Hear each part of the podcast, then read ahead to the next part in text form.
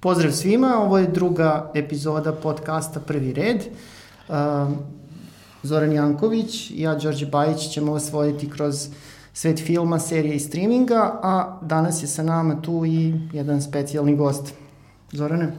A da, sa nama je Dimitrije Vojnov, ajde da neko kako može da se, da ga najbolje predstavimo, scenarista, dramatur više ne, tako, samo scenarista, da, scenarista. scenarista, baš onako uh, uh, čovek uh, koji pomno prati film i evo ja, pošto se prijatno poznajemo, kažemo, I to, znači, najstrastveniji filmofil koga ja lično uh, poznajem. Eto, Hvala. znači, to je, to je kao u okvir. Ajde za početak da vidimo sa Dimitrijem, pre nego što krenemo da izlistavamo repertoar, znači kako, kako i koliko gledaš filmove. Jel stižeš da pogledaš sve što, što poželiš? Pa dobro, nikada čovjek to ne stigne, ali... ali onda nadoknađuješ. Pa ja sam odlučio jednu trenutku da napravim sebi jedan sistem rada vezano za gledanje filmova, jer se i bavim filmom i bitno mi je da budem u kontaktu sa materijom na različitim nivoima, znači ne samo u smislu da budem upoznan šta se dešava i šta se snima i šta se gleda i šta se pravi i kako to izgleda, nego i da prosto budem u nekoj vrsti treninga u načinu razmišljanja, koji je specifičan, naravno, kad se baviš pisanjem za film i ja sam napravio jedan plan da nastojim, ako mogu, da svakog dana pogledam jedan novi film koji ranije nisam gledao. To je jedan sistem koji sam uspostavio i kog pokušavam da se držim, naravno to nije uvek moguće, zato što prosto ima perioda i dana kada se nešto drugo dešava u životu, ali je to jedan sistem kog se ja držim. I drugi sistem kog se držim to je da pišem u svakom filmu koji sam gledao, što sam započeo kad sam imao 12 godina, pošto sam dnevnih filmova. I koji je bio prvi? Uh, pa prvi film koji je bio u tom dnevniku je bio prvi film koji sam gledao, mislim prvi, prvi film koji sam gledao kada sam to odlučio da radim. Da, da. A to I je? to je bio Stargate, Roland Emmerich.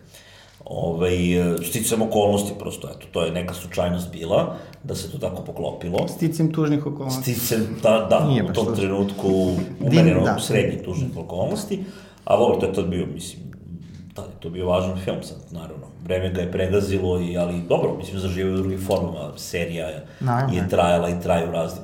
Dobro, i pominjemo I sad, ga. da, pominjemo ga, eto, još imamo neko sećanje na to. U svakom slučaju, znači, to je nešto što, što radim, a pisanje o filmu, bavio se kritikom, naravno, pisao sam u novinama i nastupao u medijima kao kritičar, to više ne radimo da je 2006. godine, ali sam aktivan kao popularizator filma. Međutim, u svakom filmu koji gledam, vodim neku dnevničku belešku koja mi onda služi za dve stvari. Prvo mi služi da uh, kroz to vodim i neku vrstu životnog dnevnika, povezujući iskustvo gledanja filmova sa nekim životnim trenucima, što naravno sad ljudima koji to čitaju, eventualno ne znači ništa, ali meni znači. Dobro, život je film, film je život. Apsolutno, da, život je jedna velika iluzija, velika inkluzija. Ove, ovaj, i, i, znači, Polno prenosio bolest. Ove, ovaj, da, i, i uh, uh, druga stvar je da onda razmišljajući o filmovima i kada nešto pokušaš da ti kućiš i zapišeš, zapravo malo i pronađeš u to šta si gledao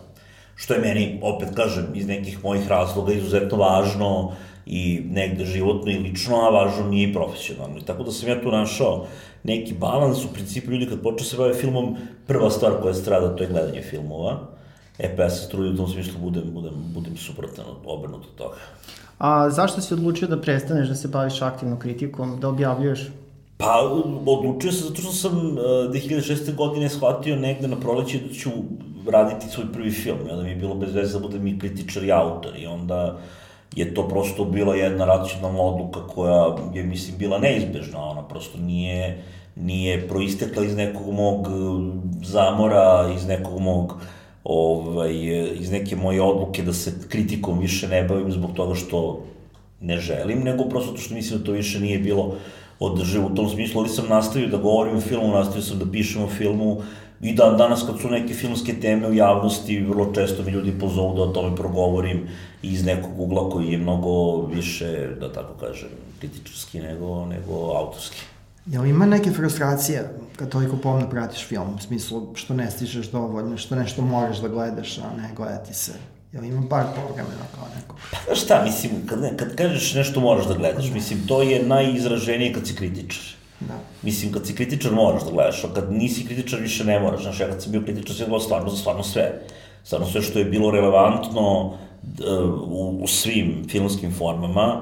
I što I, više. Molim? I što više. I naravno, i što više da bih imao uvid u to i da bih mogao da argumentovano govorim o stvarima, znači to su moja kritičarska viđenja bila ovaj, u tom trenutku e, malo izvan nekog mainstream razmišljanja o kinematografiji kod nas, tako da je bilo potrebno da se to argumentu. I mislim da je rad kritičara vrlo značajan i vrlo dragocen zbog toga što mi se čini da nešto što je ta generacija kritičara koji sam ja pripadao, ovaj, tu pre svega mislim sad radi Vojevića, ovaj, u tom periodu kad sam ja, kad sam ja pisao, ovaj, ja sam bio dosta aktivan, vratno najaktivniji od, od, od, od, od, ljudi koji su u to vreme radili, ali mislim da smo mi na kraju ipak ostavili nekog traga uh, i u pogledu toga da smo promenili pogled na film i da naša kinematografija danas ipak malo bolje izgleda i zahvaljujući našem kritičarskom radu. Znači, mogućnost kritičara da vrše neku trans, transformativni uticaj na kinematografske tokove izuzetno veliki.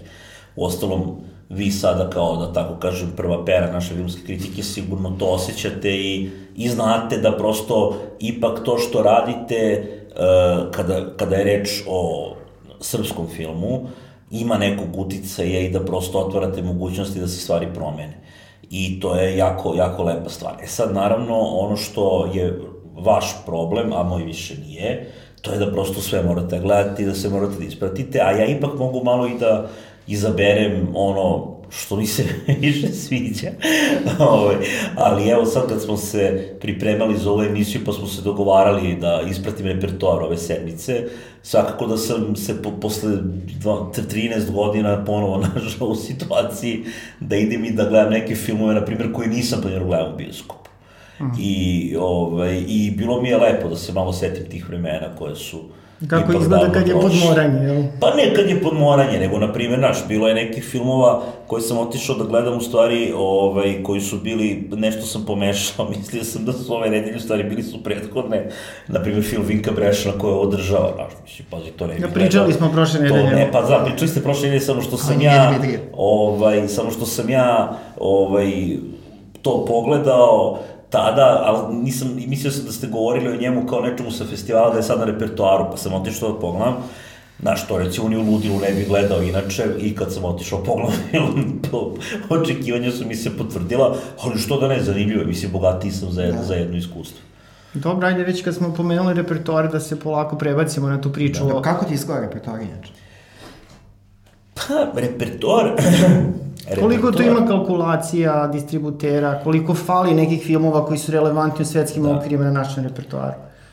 Pa repertoar po meni deluje već godinama, da ne kažem decenijama, uh, u jednom značajnom segmentu deluje da je diktiran iz uh, hollywoodskih studija koji očigledno selektiraju filmove i prave procenu dakle u Americi šta će moći da se gleda kod nas i šta će proći kod nas. I to je uh, neka strategija u kojoj neki ljudi koji su vratno ipak dosta i pametniji od svih nas ovde zajedno donose neke svoje procene. Tako da pojedini filmovi za koje sam uveren da bi možda kod nas mogli da, da, da privuku pažnju i da imaju određenu gledanost, nekako do nas ne dolaze. Uh, govorim o major filmovima, znači sad ne ulazim u to pitanje nezavisnog programa, jer nezavisni program je specifična stvar iz, iz niza razloga. Govorim o major studijima koji prosto filtriraju stvari i odlučuju šta će ići u da tako kažem, neke globalne distribucijone tokove, a šta će ostati samo za Ameriku i za tako neka velika tržišta. I tu možemo da kažemo da postoje određene rupe u repertoaru povremeno. Kad je reč o evropskom filmu i kad je reč o srpskom filmu koji nije previše komercijalan, čini mi se da se, da se prosto taj sistem podrške tim uh, uh, uopšte stavljanju tih filmova na repertoar koji je dobro zamišljen i koji proističe od našeg filmskog centra i od inostranih finansijera koji je u stvari jako dobar, a to je da se prosto podrži ta vrsta filma e, da je doveo do toga da su se malo prikazivači i distributeri malo možda ulenjili i da se nedovoljno trude da promovišu te filmove, što je meni žao, jer mislim da ima filmova koji zaslužuju pažnju, a nekako ljudi ne saznaju za njih da su u bioskopu. Pa mislim, što je najsmešnije od svega, čak uh, tu imam, to je malo tragikomično, znaš, saznaš da neki film kada izađe na stranu festivalu, a ne saznaš da je u bioskopu. Znaš, to onda u da. stvari jedna potpuno absurdna situacija da, da postoje filmove o kojima ljudi jako mnogo znaju, a onda kada mogu da ih pogledaju, tad se za te filmove najmanje zna, znaš. I, i, u tom, I u tom pogledu mislim da je naš repertoar uh, relativno u stvari bogat, ali da prosto neki filmovi tako prođu mimo, mimo pažnje javnosti, uh, postoje verovatno razni razlozi za to, uh, sigurno da i mediji tome doprinose, jer nema nekog sistematskog praćenja ove repertoara, osim zaista jednog vrlo malog broja svetlih primera, mi u visokotiražnim novinama nemamo kritiku redovnu, da, da, nema toga već dugo i to onda tako, eto, to onda tako, tako, tako eto stvari prolaze i žao mi je zbog jedne stvari zapravo. Mislim, uh, ljudi idu u bioskop, box office je dobar, uh, filmovi privlače publiku, filmovi prave novac, stvar funkcioniše, mislim, u tom smislu, to je, a to je ono što je ipak najvažnije na kraju da. krajeva. Međutim, čini mi se da, da, da jedan deo publike ne uspeva da se mobiliše, jer mislim je bilo još više gledalca, a to je ona publika koja stalno govori nema ništa za mene, da. nema šta se gleda, nema ništa za mene, uh, ne zanima me popularni, popularni srpski film, uh, ne, zanima, ne zanimaju me superheroji, a u stvari postoje filmovi koji su između te dve krajnosti, ali ljudi nekako ne da. saznaju za to i, i, i, i ne mobilišu se da gledaju i to je u stvari nešto što mi je, što mi je žao. Dakle, mislim da je repertoar na nivou onoga što se faktički pojavi u bioskopima u redu, čini mi se da bi bilo dobro da se malo više identiteta nekog izbori upravo u tome koji će major filmovi dolaziti. Mislim da tu nešto može da, da se, da se uradi, ali deo repertoara prosto ljudima prođe onako potpuno mimo, mimo, mimo pažnje i tako. Ajmo da vidimo onda repertoar, da pređemo na konkretan, Đorđe. E, tako je. Fokusirat ćemo se sad u ovom trenutku na tri filma i onda na kraju na taj četvrti koji smo ovaj, odlučili da proglasimo za film nedelje, ali o njemu o tom potom. Za početak, uh, jedan film koji mislim da ćemo se svi saglasiti da možda nije ni bio potreban da se snimi, ili možda jeste, ajde, pričat ćemo o tome. To je film Hellboy, uh, Nila Maršala. Film je nastao u tako nekim specifičnim produkcijskim okolnostima. Ljudi koji prate film, koji prate scenu, znaju da je Guillermo del Toro 2004. godine zapravo snimio svoju verziju Hellboya, to je adaptacija čuvenog stripa Manka, Majka Mignole.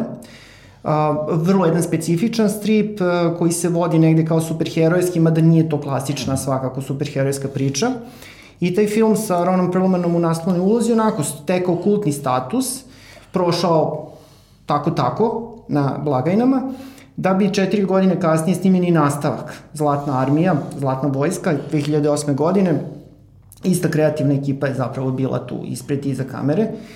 I taj film je čak, možemo reći, taj nastavak Hellboy bolje prošao u smislu tom nekom finansijskom.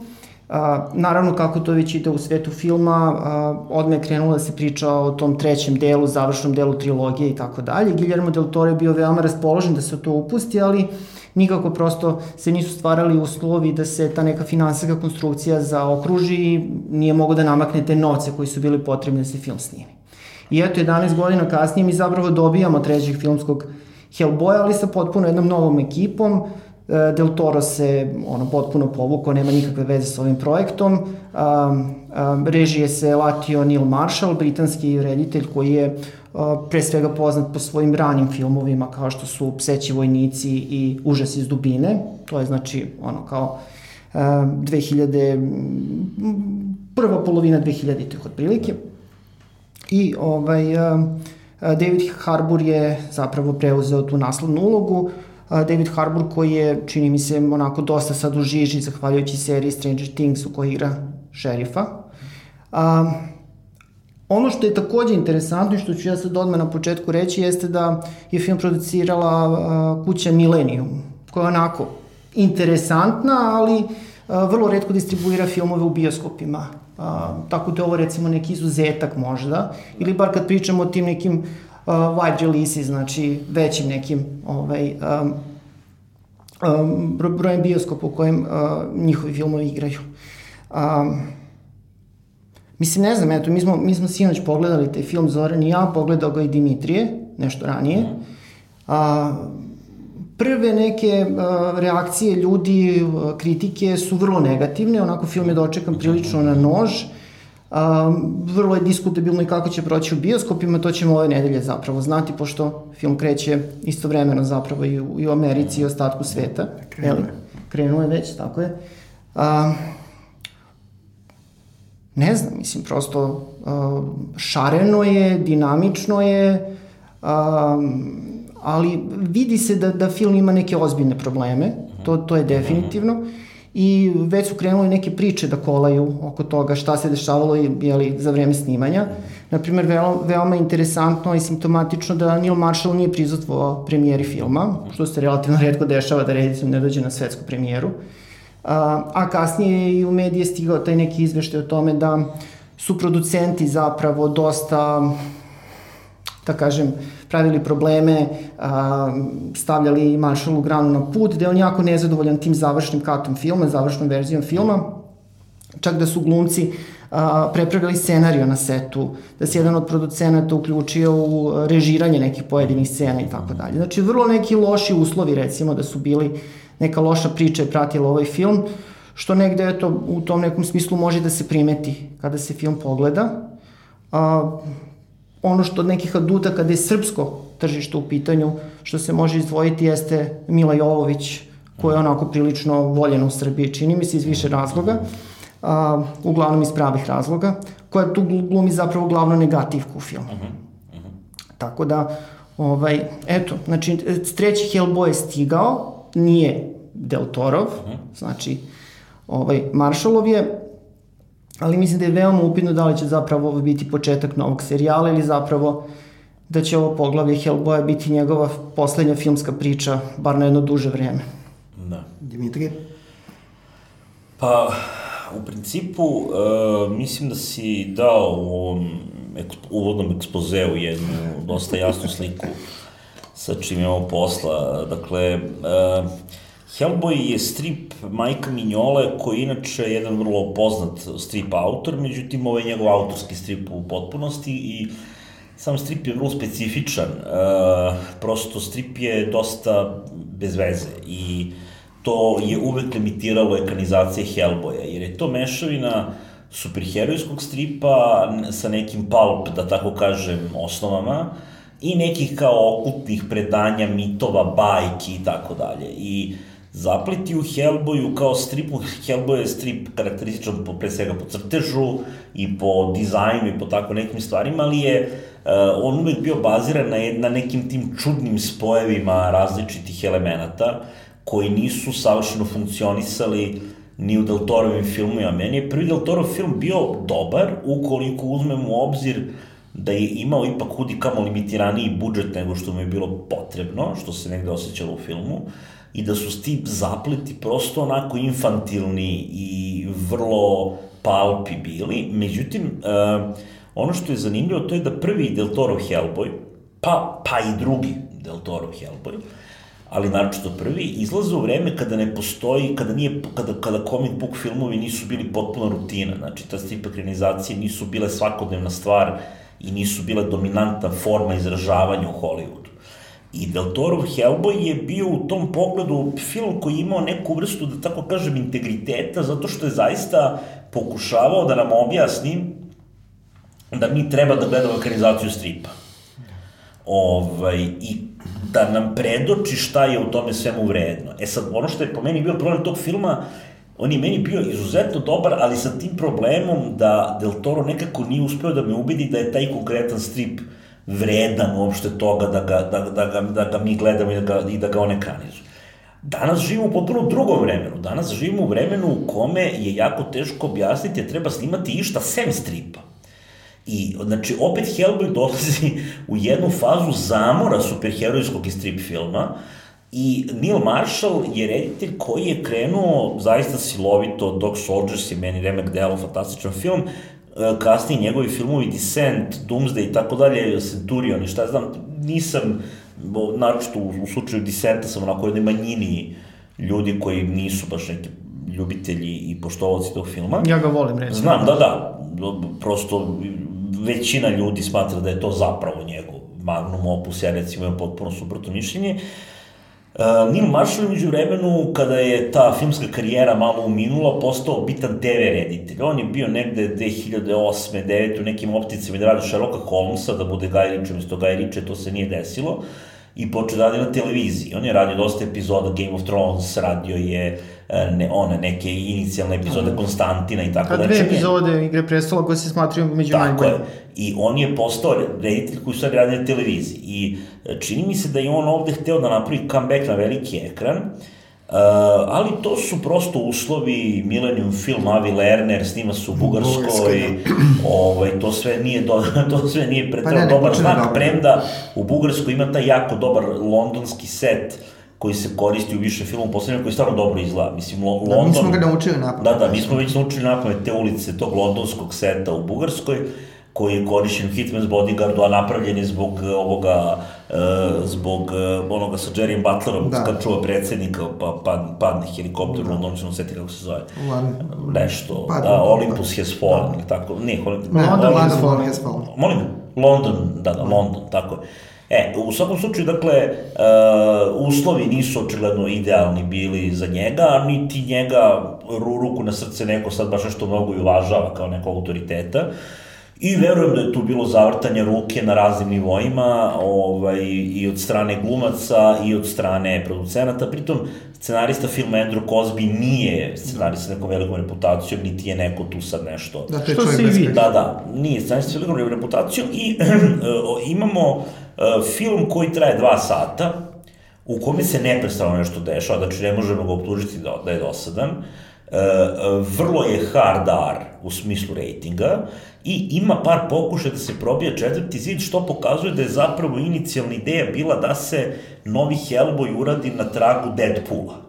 Dakle, da to bude anarhičan junak, u kom ima puno tog kartuniš, gora, znači nekog grotesknog, stripovskog, komadanja tela, prolivanja krvi i tako dalje. A možemo čak to reći je... možda da je ovaj Hellboy novi postao da kažem, moguć zahvaljujući uspehu Deadpoola. Ne, ne, apsolutno. I mislim da je ovo jedan eho Deadpoola koji su Avi Lerner i cela ta ekipa okupljena, mada tu ima i stari Larry Gordon, čovjek da, da. producent i Lloyd Levin su tu i dalje i Lloyd Levin je, shvatio, bio generator tih incidenata i zavrtanja ruke Nilu Marshallu.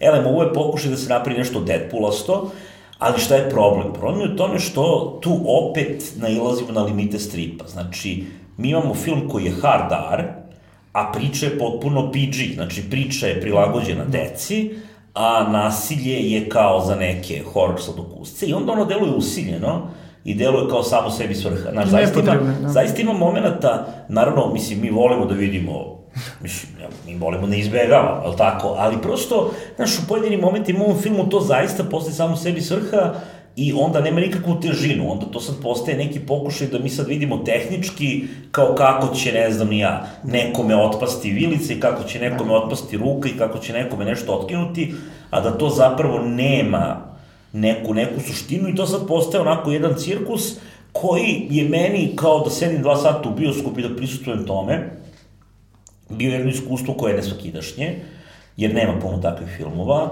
ali sa toga nisam izašao bogati i nisam se osetio kao da sam gledao nešto što je pretredno subverzivno. Ove, ali ja bih nekako voleo, mada sumim da će ovaj film da postoje neki značajan uspeh, ali bih voleo da nekako cela ta stvar prođe, jer u suštini u tom nekom post-Deadpool svetu, uh, naročito pošto više Disney je uzeo Fox, vidjet ćemo kako će ti Deadpooli u budući izgledati, mada ja ne verujem da će se oni u nekih sledećih možda 4-5 godina mnogo menjati, ali u svakom slučaju čini mi se da nije loše Davi Lerner kao neko ko se bavi tim B sadržajem, mm. počeo sa organizacijama stripa jer je to zapravo pravo mesto za to. Da. A da se A produkcija malo rastereti da.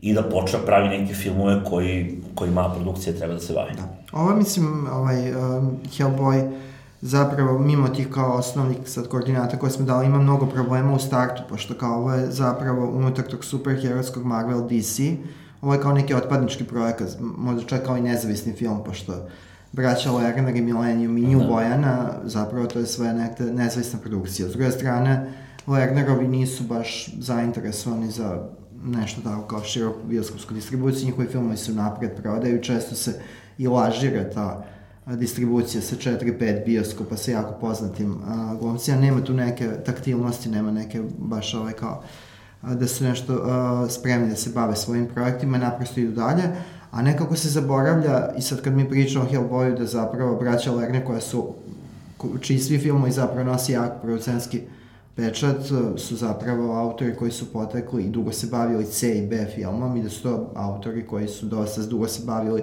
Van Damme u toj posrnoj karijeri, bavili su se Shark Attack, Megadolon i svim tim stvarima i to je naprosto ovde ovaj, negde očigledno, imate neka vrsta neozbiljnosti u pristupu. E sad, meni ovaj film kao u načelu što si pomenuo bio dinamičan, ali s druge strane on deluje kao da je na 45 obrtaja, ta, taj višak višak događanja, lako pretrčavanje, izgleda kao da je neko pustio novu ubrzanu seriju koja nije posebno zanimljiva. Pritom, zanimljivo je ovo što ovo, ti si baš to i pomenuo, imamo R-rated, znači kao taj, kao, malo kao trešiti sadržaj, a s druge strane sadržaj je dosta podsjećan onom seriji Once Upon a Time, gde se zapravo mešaju junaci bajki. Tako je. Ovde se ide od kralja Artura, babi Agi, nešto, ne znam ko, u hiljadu braca. A opet sa treće, četvrte, pete strane ovaj film pokušava da ipuje, da imitira uh, Marvel i DC. Čak i na nivou minutaži imao čak i mid-credit scene. Tako znači, je, kao tako, sve što tako. treba, to je to. Tako. A zapravo shvatite nije, jer čak, čak ni podela nije baš do te mere ovaj, uh, prestižna i zanimljiva, pa onda kao Milo Jovović dođe tu kao uh, glavna zvezda. Da, dobro, lepo je vidjeti Milu, lepo je vidjeti je dekoltiranu, tako da ništa pratit ćemo kako će ovaj film proći. Uh, ako ste fan uh, Hellboya, pogledajte, ako niste, razmislite. Mislim da je Taylor dobar indikator zapravo kakav je film, tako da ovaj, upozoreni ste, pa ako odlučite da odete u bioskop, to je vaša odluka i vaš izbor. Da. Uh, ajmo da krenemo da dalje što se tiče repertoara. E sad dolazimo do jedne malo specifične situacije. Uh, Đorđe i ja ćemo večeras, znači ovog dana kad se ovo snima, kada ide, uh, pogledati snima taj se film, subotom. snima se subotom, pogledat ćemo večeras taj film, on je bio prikazan na festu i generalno mene ovo dosta interesuje. Uh, mislim da će mi se dopasti po onome što znam o filmu i što sam se kao malo izučio i izbazirao, a, a Dimitrije je srećom taj film pogledao, pa može da nam ispriča svoje utiske u filmu Hotel Mumbai. Da, Hotel Mumbai je film koji govori o istinitom uh, događaju i taj događaj je tragični napad na hotel Taj Mahal u Mumbaju koji su izvršili islamisti uh, pre nekoliko godina. Uh, to je bio jedan obsežan napad, vrlo sličan onom napadu u Parizu, a nekoliko mesta Da. su bili incidenti, ali u Taj Mahalu bila opsada i jedan ovaj, vrlo dug obračun i ovaj film govori o tome. Na tri Um, dana je trajalo oko 200 mrtvih. Tako je, da, da, da. 2008. Tako je. Ovaj, tukli su se letnji dan do podne, rekao bi narodni pesnik. I ovaj film se uklapa u jedan uh, novi trend koji ja mislim da je nasledio ono što su bili Irvin Alenovski filmovi katastrofe, a to su filmovi o terorističkim napadima koji su se zbilja desili i koji je krenuo sa filmom United 93, Paula Greengrassa a to je da se prave filmovi koji rekonstruišu ovaj, e, terorističke napade, pa smo sad imali Paula Greengrassa o Breiviku i napadu na Utoji. I ovaj drugi film. Uh, Mislim, ovaj skandinavski u da, da, da, pa isto, da, oni imaju Utoja. I, Clint Eastwood, jel da? drugi, drugi film, pa imamo Clint Eastwooda, 15. kako 15. Oktobar, 17. da, čas, što Pariz, da, da. za Pariz, da, 30 U vozu. za Jumu, 15. U vozu gde glume ti ljudi koji su to zapravo doživeli, što je kao jedan onako potpuno bizaran, bizaran detalj da ovaj, e, Da, ali svi ti filmovi su... Clint Eastwood da. radi takav film, ali eto, mislim, ne, ne zbog teme, nego zbog, zbog toga dovede Da, koncepte, da. ljude, koncepti, tako. Dakle, to je jedan podžanr koji je To već vuče malo na žilnik. Pa da, potpuno kao neki film u kome se susreću Điđa Karanović, Žilnik i Clint. Clint Eastwood. Ovaj, da. E, i sad imamo, evo, Hotel Mumbai, koji je u tom pogledu najkonvencionalniji, dakle, on je, ono, strukturalno gledano, pričam ti priču, postavljen glume, poznati glumci koji igraju uh, te neke autentične likove u nekim onako malo, bre, rekao bih i fikcionalizovanim okolnostima i tako dalje. E, to je sve lepo urađeno, interesantno, rekonstrukcija tog hotela je zanimljiva, glume Dev Patel, Armie Hammer, glumi Jason Isaacs igra jednog Rusa, ovaj, taj kuna i tako. To je sve korektno, e, meni je lično nedostajalo to, nedostajalo mi je ta neka nadgradnja iznad te jedne zaista skrupulozne rekonstrukcije svih tih događaja koja bi približila taj film tim nekim bitnim naslovima tog tipa kao što su recimo bili 1993 i tako dalje, prosto to mi je, to mi je malo zafalilo. Da, ovo je zanimljivo, ovo je australijski film, je tako? Da, da, da, ovo je australijski film koji je radila jedna relativno, uh, ne mogu da kažem nepoznata, ali ipak neafirmisana autorska ekipa. Da. I za njih je ovo sigurno veliki iskorak, iskorak napred i mislim da je u tom smislu Hotel Mumbai jedan film koji uh, će biti jako zanimljiv ljudima koji vole da pogledaju onako jedan uh, film starog kova, koji, ima, koji se koristi svim tim nekim strukturalnim, pripovedačkim i glumačkim kapacitetima koje Hollywood može da ponudi, a opet govori jednu istinitu priču koja je u zavisnosti od toga koliko ste spremni da se identifikujete sa likovima koji su se našli u toj priči, um, može da bude vrlo napeta. Da. Znam dosta ljudi koji su gledali taj film i bili onako istinski i duboko dirnuti tim događajima koje su gledali, jer to je stvarno uh, jedna situacija ove, koja je bila specifična. Sad, ako mene pitate, ja bih radije reprizirao recimo No Escape, braći Dowdle da. sa Owenom Wilsonom, da. koji se bavi sličnom tom temom, sad je potpuno fikcionalan način. Ovaj, ali Hotel Mumbai je prosto jedan onako ozbiljan film, jedna klasa visoka, koja, kažem, meni prosto nije imao sad nešto dovoljno autentično da bih se sad ono ozbiljno vezao za to, ali stvarno film kome nema šta puno da se zameri i onako zanimljivo je da u filmu o glumi Dev Patel, koji glumi u serijalu Best Marigold Hotel, koji se takođe dešava u, hotelu, u hotelu u Indiji, gde se stari ljudi... Nastava. Pa nije, ali verujem da će verovatno dosta nekih penzioner, penzionerki otići, možda da grešno da pogledaju, misleći da je hotel u Mumbai, hotel. zbog Deva Patela nastavak, hotel ne stvarno zbog hotela i onda će da se iznerade. Da. Ovo što si pomenuo, znači ovi filmovi 70. Irvin Allen i sve toliko, ovaj novi talas ipak ima malo ozbiljniji ton. Tako je, tako Znači to je, to je nešto specifično, tu do duše malo od udara od tog tona balkanska da, da. međa naša koja bi mogla negde da bude tu da, odvedena. Da ali jeste ozbiljan ton. I sad onda opet dolazimo na ono što mi često, kao kad pričamo o filmovima koje smo gledali nas trojice, dođe do zaključka da, e, do, da nekad značajna adut nekog filma koji se pojavi na repertoaru ili na festivalu, pa onda potom i na repertoaru, je to što takvih filmova zapravo ima jako malo. I sad Hotel Mumbai jeste zapravo film koji se obraća odrasloj publici, koji je spektakularan na način na koji nije pretaran, neumeren i uh, onda opet možemo to da povežemo sa narednim filmom o kom ćemo da pričamo. Uh, uh, Dimitrija smo ga pogledali već. Uh, to je film Aleksi koji je počeo sada, uh, ušao u redunu do duše ma, nešto manjeg obima distribuciju uh, u Srbiji, znači radi se o filmu Aleksi, rađen je kao koprodukcija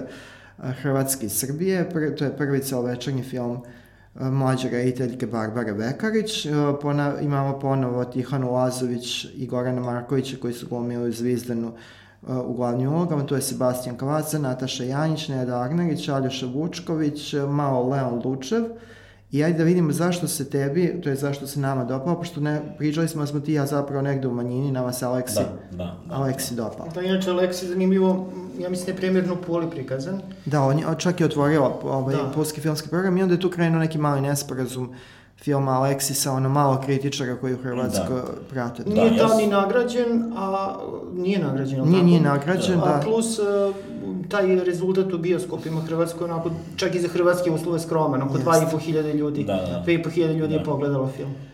Pa ja moram da priznam, uh, kad je reč o filmu Aleksi, da sam o njemu, od ljudi koji su ga gledali u Puliču, apsolutno bio sve najgore.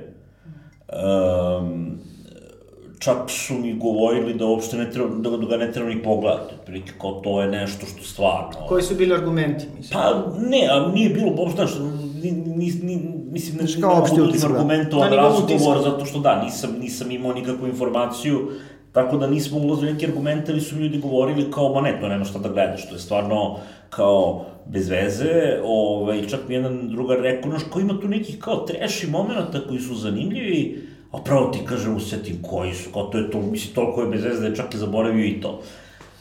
Međutim, film dolazi na fest i tu doživljava jednu zapravo rehabilitaciju, pošto na kraju Aleksi dobio i nagradu da, da. za... za uh, nije scenarija, nije režija, nego za... Za debitanta da, ili tako da, nešto, da. da je dobio nagradu, ovaj, što mislim da je vrlo jedna interesantna i po meni opravdana odluka živija, zato što je Aleksi jedan film koji u stvari je meni bio vrlo interesantan, uh, pre svega zbog toga što mi imamo tu naslovnu junakinju koju igra Tihana Lazović, koja je i na nivou scenarija i na nivou njene glume da. vrlo interesantna, autentična, živahna i nudi jedan drugačiji pogled na ono što inače gledamo u regionalnoj kinematografiji u tim filmovima o mladim ženama koje prolaze kroz neke krize. Da. Uh, a u čemu su inače hrvatski autori bili izuzetno uspešni, setimo se filma Negledam ju pjat Hane Jušić. Da, da. Uh, dakle, imaju produkciju tih filmova, imaju uspeha sa tim. Aleksi u tom smislu prvo jedna junakinja koja ima nešto komično u sebi, uh, iako film nije komedija, ali ona ima nešto vragolasto i komično u sebi, jer je prosto jedna junakinja koja svoje probleme preuveličava, koja u stvari živi jedan krajnje lagodan i, i bezbedan i ob, ob, ob, na svakom nivou obezbeđen da. život, ali svoje probleme predstavlja kao svoje nešto najviše, naj, na, najteže na svetu i koja sama srlja u nekakve krize, e, proizvodi ih i onda od toga pokušava da izgradi taj neki svoj onako kao uh, hipsterski identitet. Da. I uh, film obiluje jednom vrstom ironije prema celom tom miljevu, uh, što se meni izuzetno dopalo. I da. kad govorimo o tim filmovima iz tog, da kažem, kalupa, dakle, mlade žene koje se da. teško adaptiraju, Aleksi razbija taj kalup. E sad, da li su sile koje su taj kalup formirale i dalje suviše jake da ne žele da taj kalup bude razbijen, da li je to razlog? Stanje, to feministički film? Molim? Je li feministički? Pa, ne, ja nisam za neki stručnjak za, za, za, za tu temu, ali prosto film je drugačiji, zato što je Aleksi jedna onako živahna devojka koja pravo, ali koja prosto generiše probleme u kojima se nalazi i film ima, ima duha, mislim, on, da. on, ona nije, to nije gag film, ona nije pravljena da bude smešan, ali ima duha i ima ne, jednu du, dozu da, ironije duhovit je film sam po pa sebi. Pa da, sam po sebi je duhovit. Znaš, on ima tog nekog, na primjer, frajera kog igra Goran Marković, koji svira neku groznu muziku, a ona je zaljubljena u njega. Mislim, to je nešto kao neki brundek, ali još gore. Mislim, sad ja ne znam, ja ne znam da li su autori mislili da je ta muzika koju on svira dobra, ali je meni bilo sjajno to što je ona tako kao, ima neku romantiku sa njim, on se bavi tom tako nekom glupom muzikom. I to neuspešno. Ali, ne, ne, neuspešno, da, ali, ali, ali je to, mislim, možda je to slučajnost, možda, ja, možda, možda su oni mislili da, da ta muzika treba da bude stvarno nekako proživenića, ali meni to nekako bilo istinito, jer da, postoje ti neki ljudi koji se tako bave nekim glupostima, a okolina ih Tačno. voli, mislim i tako. I, I meni je taj film bio vrlo simpatičan, mislim Tihana Lazović iznala taj film, apsolutno. Dobro, ona je odlična glumica. Ona je odlična da. glumica i, ovo, i ovde je dobila priliku da napravi i taj film je, on ima jedan kvalitet koji ja generalno volim, a to je film u kome to, kako bih rekao, naš, lepe lokacije, dobri glumci, e, nema, nema tog nekog kao visoko estetizovane neke bede, nekih naturščika koji nemaju da govore, nekog tog užasa koji inače stalno pristo da. našoj kinematografiji.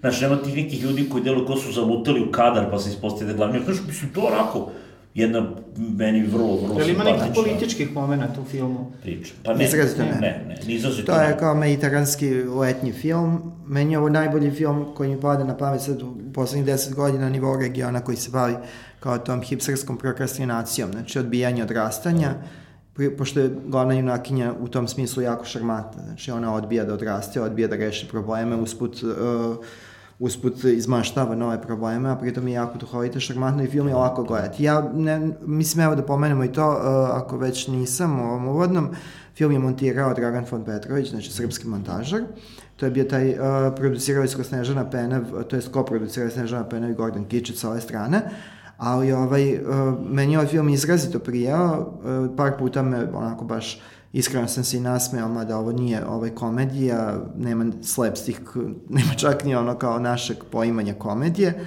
a jedino što možda mi pao, što mi je negde zaparalo oči, to je ovaj momčić koji glumi Amerikanca, to mi je.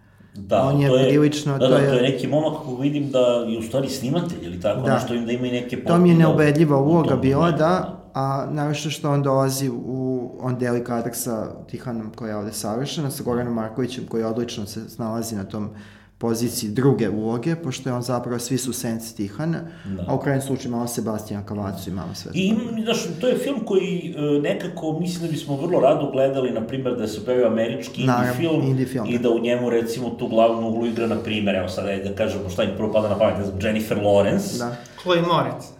Pa ne, mlade, ne, više pre možda pre mlade Chloe, ali recimo Jennifer Lawrence, znaš, popuno mogu da zamislim, da zamislim jedan takav američki indie da. film koji bi se pojavio i tako bio simpatičan. Uh, u suštini, ovo je naslednik Comic Sansa, da, da ovoga pa da, baš Nevija da. Marasovića, vrlo sli, sli, su slični kapaciteti, samo što je ono bio muški film u odnosu oca i sina, da. a ovo je o, o, o jednoj devojci Tako i njenim intimnim, porodičnim, ljubavnim i tako dalje. Da. Odnosima ja preporučujem ovaj film, da. mislim da, da, da kogod bude otišao da ga pogleda, koje god namere i očekivanja da ima od filma, se neće razočarati. Da. Mislim da i ljudi koji vole mainstream mogu da ga pogledaju, da ljudi koji vole malo to kao nešto što je Vision House takođe. Naravno.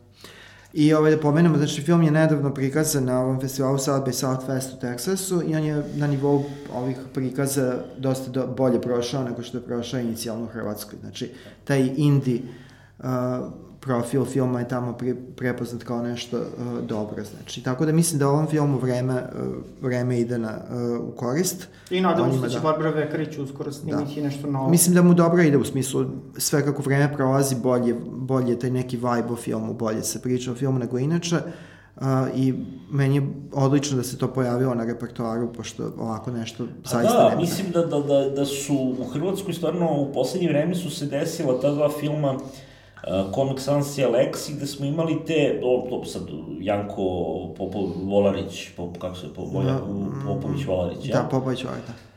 Ovaj, on je, on nije mlad glumac, ali je on ipak novi, glumac novije glumac, generacije da. koji na filmu tek treba da, da stekne tek. oslonac, on je na televiziji jako aktivan i poznat, ali na filmu treba da stekne oslonac koji je stvarno bio izrazito, izuzetno harizmatično komik Sansu. Mislim, to je stvarno jedna uloga posle da. koje bi da je glumio u nekoj kinematografiji kao što je da. američka ili francuska, to bi bila star making uloga. Ovaj, ovde je to Tihana Lazović uradila, mada ona već izgra, ima, izgradila ime i pre ovog filma. Ali hoću da kažem, pojavljuju se ti filmovi koji su interesantni, e, koriste te neke lepe lokacije koje, koje su u Hrvatskoj, u Hrvatskoj postoji isti problem kao i kod nas, a to je da su u principu filmovi naravno dosta baziraju na urban, na, pre svega da. u Zagrebu, na urbanim mestima, da se ne bi putovalo, se ne bi plaćale dnevnice, uh, dnevnice i tako dalje. A ovo je zanimljivo da, da znači, imamo te filmove sa glumcem u jednoj dominantnoj ulozi, koja praktično ga afirmiše, znači kao neku vrstu zvezde, na tim, na tim zanimljivim lokacijama i to je neki onako recept koji sad možemo prepoznavajući ova dva filma. Da, da. Naravno da ako se nastave. E, ajde da vidimo šta imamo dalje. Znači sad možemo da kratko jako popričamo o tome šta sledeće nedelje kreće kod nas. Da, da, ima znači, nekoliko naslova, pet. Imamo, čak pobrojamo. za početak, šta bi tu bio najkrupniji naslov, ajde, vjerojatno Wonder Park, ovaj animirani film, mislim, ja ne znam što da kažem o tom filmu, ja mislim da ga, teško da ćemo ga ispratiti, pošto je još jedan od tih animiranih filmova koji dolaze kod nas u sinhronizovane varijanti. Imamo taj film koji je, prepostavimo, će biti veliki hit, on kreće u Americi, vada, sada. Uh, ovo prokletstvo žalošćena žena, Curse ne. of uh, La Llorna. Da. Dva L je valjda Lj, da, da, da, da, nešto na, na španskom. Pa da, to Šta je zapravo ovaj, u produkciji Jamesa Vana nastaje film, da. znači to je recimo peti film iz tog takozvanog ovaj, univerzuma a, a, koji, koji je stvoren filmom a, Prizivanje zla Mislim, to se sad već onako, da kažem, radi a, planski, pomalo i rutinski ti filmovi se izbacuju. A, jedan, dva godišnje, čak kako je krenulo, bit će ih i tri godišnje. Ovaj, da. Znači, samo se umnožava. A, Mislim, ne znam, konkretno ovaj film nešto nije preterano um, uh, u, u samoj Americi uh, povezivan sa tim serijalom Prizivanje zla, što no. je da. zanimljivo, nisu to akcentovali, a svi ovi raniji filmovi tipa jeli, Patice iz pakla i ovaj, Anabela, oni su onako baš imali tu vezu i to je stalno, stalno, stalno potencirano. Ovde to nije slučaj. Uh, interesantno je da je ovde taj meksički ugao zapravo, da, da kažem, hispano ugao Hispano, da. je zaigrao. A, Linda Cordellini i Patricia, Patricia Velasquez uh, glume glavne uloge, bar su navedene kao prve. A Michael Chavez je režirao film, um, on je neki očigledno ovaj, um, čovjek od poverenja. Čovjek Mladi od poverenja, poverenja, jeste James Wan ga očigledno on, on će raditi, svoje. Da, on će raditi treće uh, prizjanje zla. Dimitrije, da. bi ti ovo gledao? Pa, ajde ovako da, da se malo osvrnemo na ovaj fenomen, ja ovo ne bih gledao. Od tih filmova sam u bioskopu gledao Prizivanje zla. Da se bilo okej? Okay. Pa mislim da to je bilo onako, da, mislim, ne znam, ja inače te kao pseudo, true story, horore, meni je tu uvek bio gimmick koji mi je bio bez veze što prvog Amitvila. Ovaj, tako da, a Conjuring je u stvari, je to kao, u stvari bio am, ami, Amit, kao, kako je, kao Amitvil u stvari.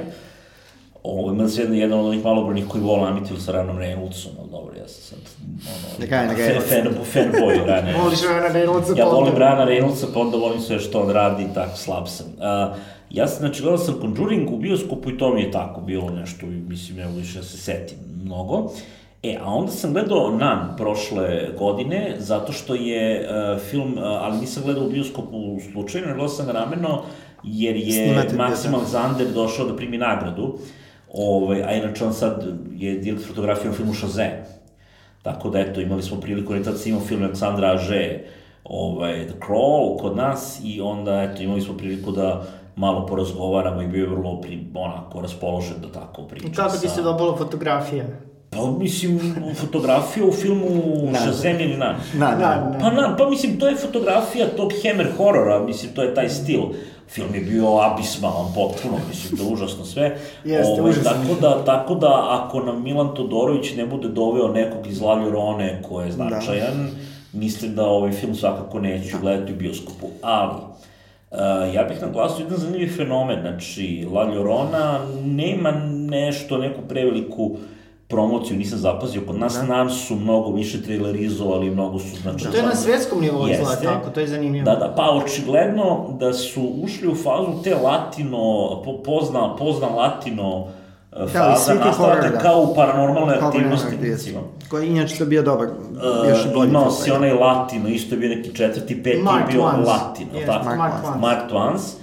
Iako je to već faza u kojoj bi bilo dosta glupo uopšte paranormalnu aktivnost nazivati paranormalnom, jer kad je peti put... Normalna aktivnost. Normalna aktivnost, jel?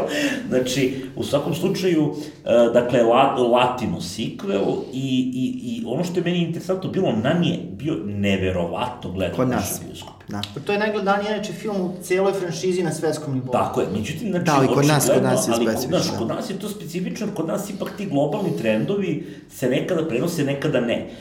I meni je bila potpuna nepoznanica da horori koji kod nas inače ne prave neke velike gledanosti, znači horori kod nas generalno strani ne prave neke velike gledanosti. Sem što su dosta prisutni. Oni su prisutni i oni imaju, oni imaju određenu publiku koja je stabilna i u principu horror filmovi kod nas imaju da, da. od publiku koja, ko, koja, koja im je odana i koja dolazi, to što sporno. Međutim, nam je razvalio, a pritom je izuzetno loš film. I meni je to onako bilo čak možda malo i krivo, jer je bilo mnogo boljih horora prošle godine koji nekako nisu bili tako zapaženi. Da, čak mi je taj pravoslavni moment zaigrao, pošto je na, se, uh, dešava u Rumuniji, da, a zapravo da, da. je katolički. Da, da, da, pa dobro, to je sad sve i... Naravno, ali nije ni važno, znači, mislim, to je naprosto loš film, da. ali horror publika je, ona kao publika kod nas je pohrava da ga gleda, ono što je važno, osim box office da je publika koja prati horore mahom jako mlada i da dosta troši u bioskopu, što tako, je isto tako, veliki izvor zarada, kokice, naće, sve koji smrde i to. E, šta ono, imamo dalje? Imamo taj film After. Pa da, to je neki film koji Kratko bi trebao da bude, ovaj, recimo, kao pokušaj da se unovči popularnost filma 50 nijansi sive i cijele te priče oko da. toga. Malo ublažena neka varijanta, znači kao, kako si ti rekao da se taj počeo? Ne, to su sad nazvali All the Sister Porn, znači pornić sa starije sestre, pošto se uh, taj pristup koji znamo iz 50 nijansi sive sad prelio da. na, na starije tinejdžere. Da li bizarna je cijela priča oko filma, znači uh, krenulo je sve kao fanfiction, pa neka izvesna Ana Todd je pisala fanfiction u kome je glavni zapravo uh, lik bio uh, Harry Styles iz grupe One Direction, pa kao njegove erotske avanture i tako, kao pojavljaju se neka mlada studentkinja i tako. Da, da. I to je sad posle naravno ime njegovo promenjeno, a objavljeno je to kao ono, roman normalni, jel, ono, pa, papirno izdanje. I sada je po tome snimeni film, neka mlada devojka. Da, ali zanimljivo je, znači oni su, se, oni su se sad e, obezbedili, naučili su od Marvela kako treba, našli su rediteljku koja je uh, imala zapažen film dokumentarni na Trebeka Film Festivalu aha, pre par godina, pre par godina, tako znači da imaju mlađu rediteljku sa kao nekim pedigreom festivalskim koja sad režira film i onda ima i za nas ove starije, tu je Jennifer Bills, Peter Gallagher, a zapravo film deluje prilično... Uh, Selma ovaj, Blair. Da, Selma Blair, da. a trailer deluje prilično, ovaj, najbolje rečeno, ovaj, suludo. Pa nama ne zanimljivo I, svakako. I uh, zanimljivo je možda reći da glavnu ulogu glumi rođak našeg uh, sudržavljanina. Najpoznatijeg Rafa Finesa. E, pa da. eto. Pa dobro. Da, tako da eto. Ali, znači imamo, imamo znamo ko će biti novi dobitnik Dobit. ove nagrade pobednika, beogradski pobednik. Eto. Znači da, Hero Fine Stephen.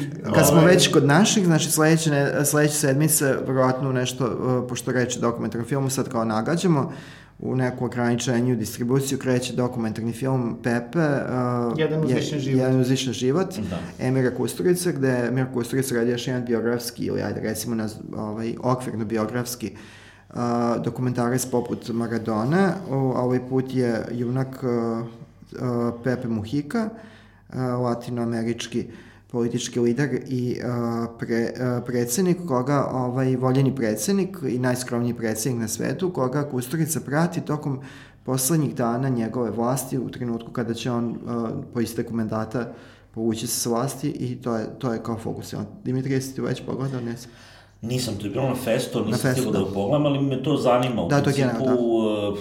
Oliver Stone i, i Emir Kusturica su... Oni su ostali sami na tom braniku ovaj, zapravo. Ostali su sami na, na braniku dokumentarnih prikaza ovaj, tih političkih figura, da. Političkih figura i latinoameričkih klavičara, tako da me interesuje, kritike su vrlo povoljne za film i vidjet ćemo, vrlo sam, vrlo sam radosna. Znači, mislim, može se ovde reći još nešto da ovaj, uh, korišteni su za pokrivanje tih delova priče, korišteni su delovi filma Koste Gavrasa, znači osim ovog dokumentar filma, imamo trenutak kada predsednik kao i Maradoni u jednom trenutku zapeva. E, takođe, 18. aprila u bioskope stižu e, filmovi Bitanka sa plaže, e, Harmonija Korina. Mislim, to će onako biti jedna ekstravaganca, svakako Matthew Da, ja ću da Isla Fisher, to da kažem. Eto. Isla Fisher, Matthew McConaughey, Top Line-uju, Snoop Dogg. Mislim, to je onako ta neka... Da, ovde ima dosta argumenta. Komedija sa duvanjem, jel? Da. Biće to zanimljivo videti. A, o tome više sledeće nedelje, pretpostavljam. I još jedan film, znači sa plaže idemo na sneg i led, Arktik, Joe Penja je debitovao ovim filmom i film je premjerno prikazan u Kanu, znači to je već neka vrsta garanta da se radi o zanimljivom ostvarenju. Ovaj, Mads Mikkelsen praktično glumi jedinu ulogu u filmu, tako da, znači, kamerna drama o preživljavanju, Vidjet ćemo. Znači nešto slično filmu je Dragovica Rajcek. Da, nije Macu Samo prvi, bez toga. Macu nije prvi put da je sam, sam ili da. sa malo ljudi, tako da... Snaći će se. Ali, snaći će se Mac. Trebalo je stoji da ubace u film, bilo bi zanimljivo pod šator. Nisam siguran da bi nikoga ostavio samog s Macom po hladnoći. da. Ukratko, ukratko to su, znači, pa dobro, većina ljudi da, vole, pa da. A, to, to, je uskoro, to je ono što uskoro stiže u bioskope, I da vidimo sad film nedelje. A ovaj, nećemo da se osvrnemo na gledanost u bioskopima.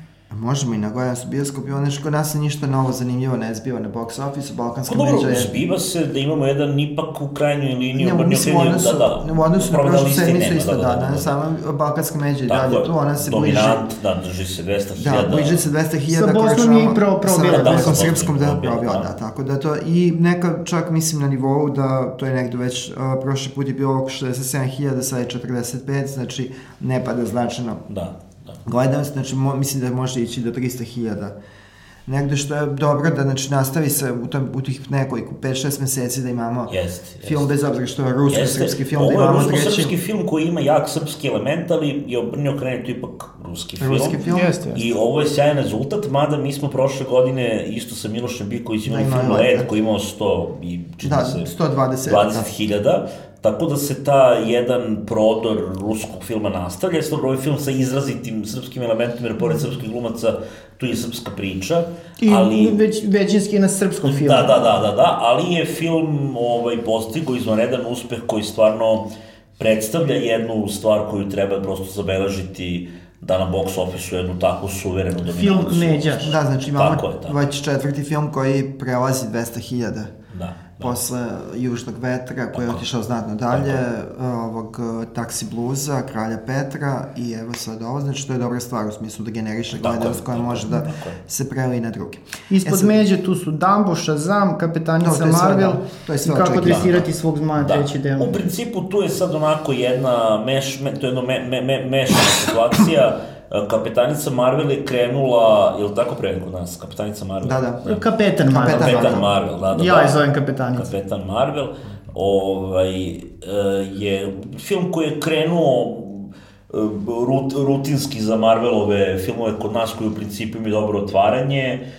Uh, taj film na kraju nema neke da, pretrane adute i nisam nešto zapazio da su i fan, fan, fanovi i i kritika nešto pretredno dobro reaguje na njega, ali on se drži, Shazam je tu izazov jedan, u stvari mnogo veći, jer je to superherojski film koji je više namenjen deci, tako ćemo tu da vidimo da li će uspeti mobiliše tu najmlađu publiku, koja ipak nije toliko išla na superherojske filmove, a njima je više namenjen, odnosno da li će razočarati ovu stariju publiku superherojskog filma, I mislim da je u tom pogledu taj neki obračun DC-a i Marvela na našim blagajnama uvijek bio neobičan, jer je DC u više navrata imao tendenciju da bude recimo jači kod nas tako je, tako je. nego u svetu.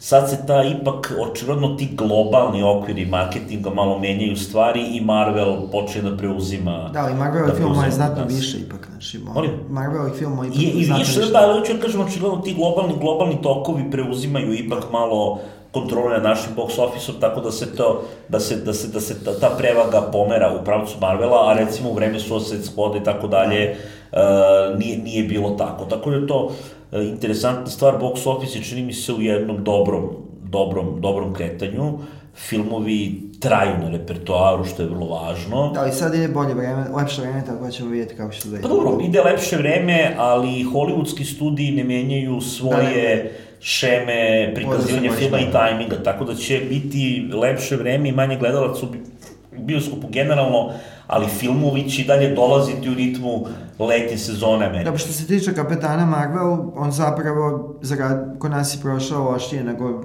što su prošle ovi osvetni stoli, da. upravo je to negde i sudbina kod nas, makar gledano filmova koji su sa ruba tog Marvela. Tako je, tako je, tako znači, je. malo, i Shazam isto potpada pod tu. Tako je, tako je. On tako ipak je. nije unutar tog uh, prvog, uh, prve, prve borbene tako linije. Tako je. E, znači, za film nedelje smo uh, odabrali unutar ove, naravno, postojeće ponude šta? Um, izbor je pao uh, nakon zasedanja nije bilo preglasavanja. Na film Groblje, Groblje kućnih ljubimaca u pitanju je američki horror film koji je aktuelan i u tim nekim svetskim okvirima. Na top listama je recimo trenutno u Americi peti po gledanosti, ali ovo je bio on i bolje plasiran prethodnih nedelja, plus to je relativno jeftin film i već se isplatio više struko. Da.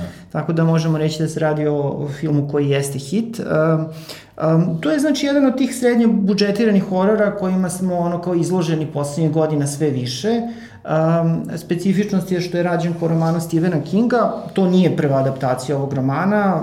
Mary Lambert je 1989. snimila istoimeni film koji je prilično dobro prošao, izrodio i nastavak uh, koji isto ona režirala. A ovaj novi film koji se znači pojavio sada znači u, u, u bioskopima režirali su ovaj, Kevin Kolš i Denis Vidmjer. To je dvojec koji je pre nekoliko godina režirao ajde da kažem, indie horror Zvezdane oči, Starry Eyes. I oni su se proslavili tim filmom negde, stekli kao neku reputaciju. I mislim da definitivno kada smo otišli film da pogledamo, ovaj novi njihov, Groblje kućih ljubimaca, znači postalo jasno da ljudi znaju šta rade, znači ono kao... Um, film ima nekih prilično krupne, neke prilično krupne adute na svojoj strani.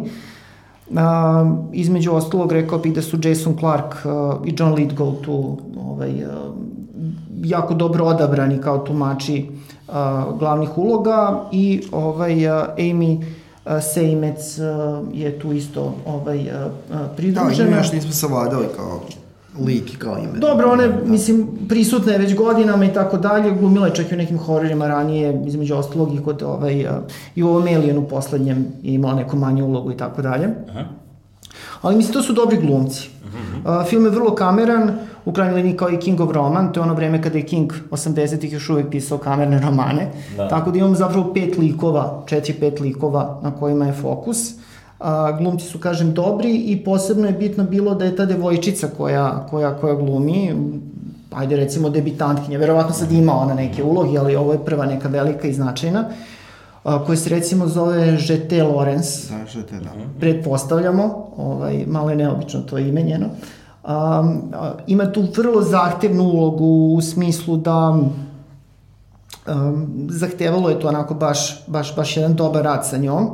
Zato što, uh, to je interesantno, na nivou scenarija uh, film se zapravo razlikuje u odnosu na i Kingov roman i na ovu prvu adaptaciju. Ima nekih krupnih zapravo ovaj, tu izmena.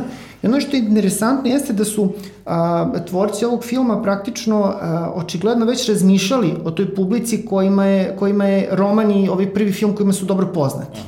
I prosto su želeli očigledno da to osveže, da promene. Da. Tako da u nekoliko trenutaka u filmu imate to ono kao iznevereno očekivanje. Vi se dočekujete da će se desiti jedna stvar, da. a zapravo se desi nešto drugo. Da. A, I to uglavnom dosta dobro funkcioniše, mm -hmm. osvežava film. A, zato što mislim da bez toga jednostavno ovaj remake bi bio potpuno ili ova nova verzija prilično nepotrebna. Da. Zato što si ovaj prvi film držao romana, nije nešto kao tu mnogo lutao, dalje od toga. Ovaj, tako da e, te varijante, te izmene koje su koje su unete ovaj na nivou scenarija, pa onda i na nivou celog filma, osvežavaju tu priču i vi u poslednjoj trećini zapravo i niste sasvim više sigurni šta da očekujete, kako će se to razrešiti. Da. A opet negde prilično to ostalo ovaj, nekako u okvirima onog Kingovskog, znači da. veranje, ve, verana ekranizacija King da. u tom nekom da. širem smislu. A, tako da eto, mislim da prisustujemo rađanju ovaj, a, autora koji će obeležiti, ja mislim, pre svega horror scenu u narednih nekoliko godina. Oni su, ako se ne varam, već dobili da rade ovaj, nastavak filma Mama, Tako da... Što nije baš nužno? pa dobro. Pa nije nužno, opet s druge strane lestvica je tu dosta nisko postavljena, tako da mislim da, da postoje... To je bio loš film. Da. Lestvica košmara. Lestvica košmara, da. Mamina recimo. lestvica košmara. To, to, to, to. Da. Ovaj, tako da, eto, kažem, uh, meni je, ja volim horore, zaista ono, pratim ih na repertoaru i više od Zorana. Tako da, ovo je definitivno jedan od boljih horora. To nije tačno. Zoran se solidariše, pa vrati se to. pa dobro, da, da, da. Manje uživa, ali...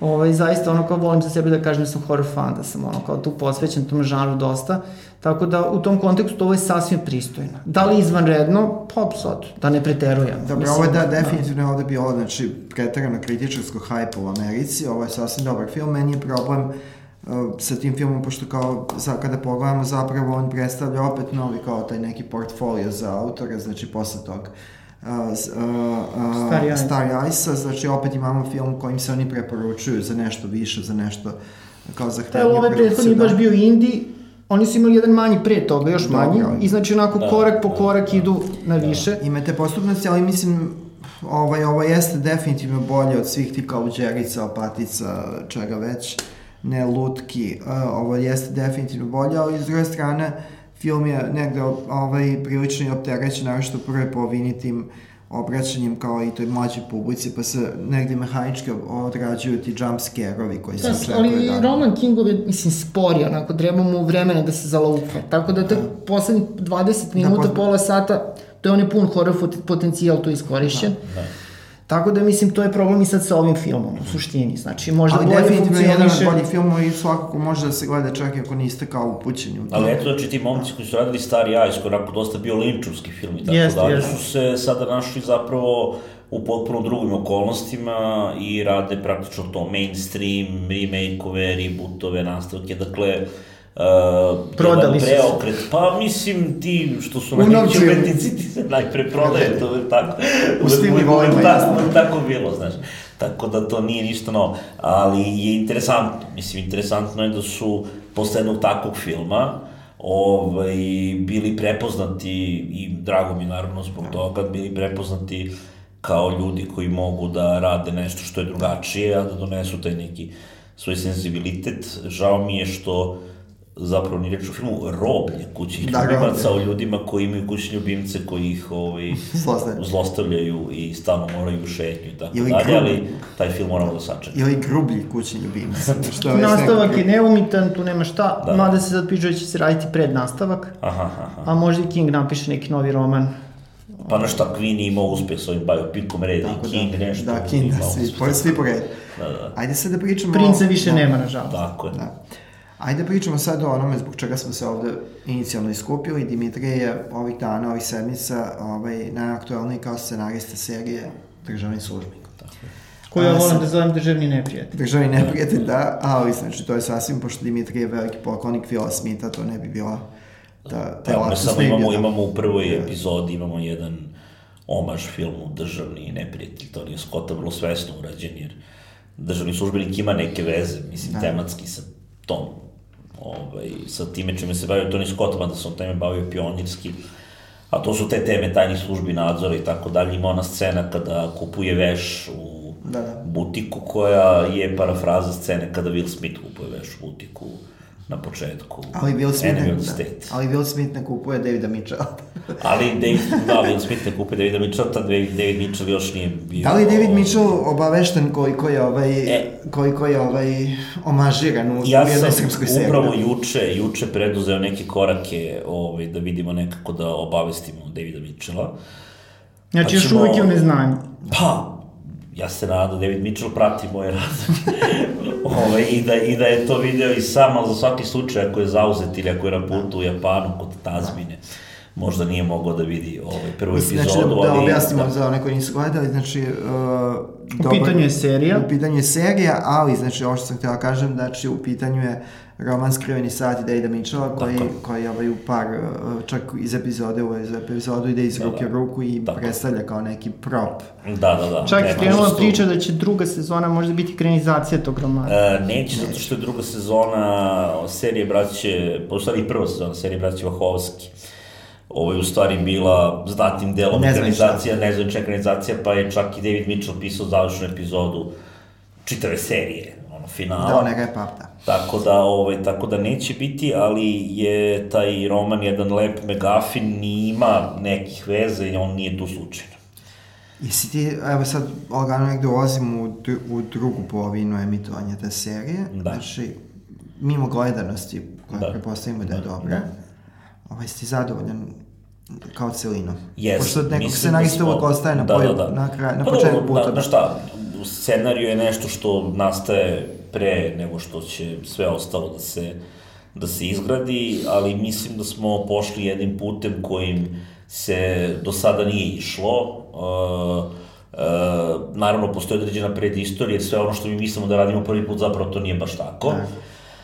I moram da kažem, da se pohvalim da mi se javio Siniša Pavić koji je pisao televizijski film Osmrtni topa, koji je jedan onako redkih televizijskih prikaza tajnih agenata službe državne bezbednosti na našim televizijama, da mi čestita i da mi kaže da ovaj, je pratio državnog službenika, što je za mene naravno veliko priznanje, jer je Siniša Pavić stvarno... Dobro, on je veliko naš- ime, samo što je zbog ovih serije taj Da, deo da, njegove pa taj deo karijere njegove karijere danas nije toliko poznat, ali ja sam ovaj, malo, ja sam kasnije u jednom tekstu u licu podsjetio na to. Ja, to je zanimljiv tekst dosta, ti si tu obuhvatio zapravo te filmove koji su serije Jest. i Da, mislim koji filmove jest, koji su- koji su se bavili državnom bezbednošću Tako i tako dalje. Tako Pa koliko su recimo ti filmovi tebi bili neka inspiracija i koliko su se vremena u krajnjem u krajnjoj liniji promenila u Pa, odnosu ja na sam se potrudio tako u nekim detaljima da napravim neke ovaj, male posvete, recimo glavni se zove Lazar Stanojević, imamo agenta vojne bezbednosti Lazara Stankovića u četvrtom čoveku, Čoveku, i tako tako, da. Ove, samo što je malo je drugačija simbolika njegovog imena u tom filmu, drugačije ovde. Tako da sam volao da napravim onako tih par nekih detalja koji će ljudima koji pažljivo prate seriju da budu negde interesantni i prepoznatljivi i da im privuku pažnju, jer mislim da su serije dobra stvar između ostalog, zato što je to jedan narativ u kome ti neku priču pričaš u formi od, na primjer, 10-12 sati, jel? I onda možeš da napraviš tu jednu intertekstualnost koja će biti interesantna, a ovo je, uh, ja inače na tu intertekstualnost i ne insistiram u, u svakoj prilici i previše, ali ovo je stvar uh, gde se obraćamo publici za koju mislimo da je zainteresovana malo za misterije, malo za neke enigme, malo da ono pronikne dublje u, u, u ono šta se dešava na, na, Pa i na, sami na pronalaze ekranu. tragove. Da, sami pronalaze tragove, onda ja posle svake epizode, posle emitovanja, par sati kasnije objavim kao easter eggove koji su se tu pojavili da bi publika mogla malo još više da uživa u onome što je gledala.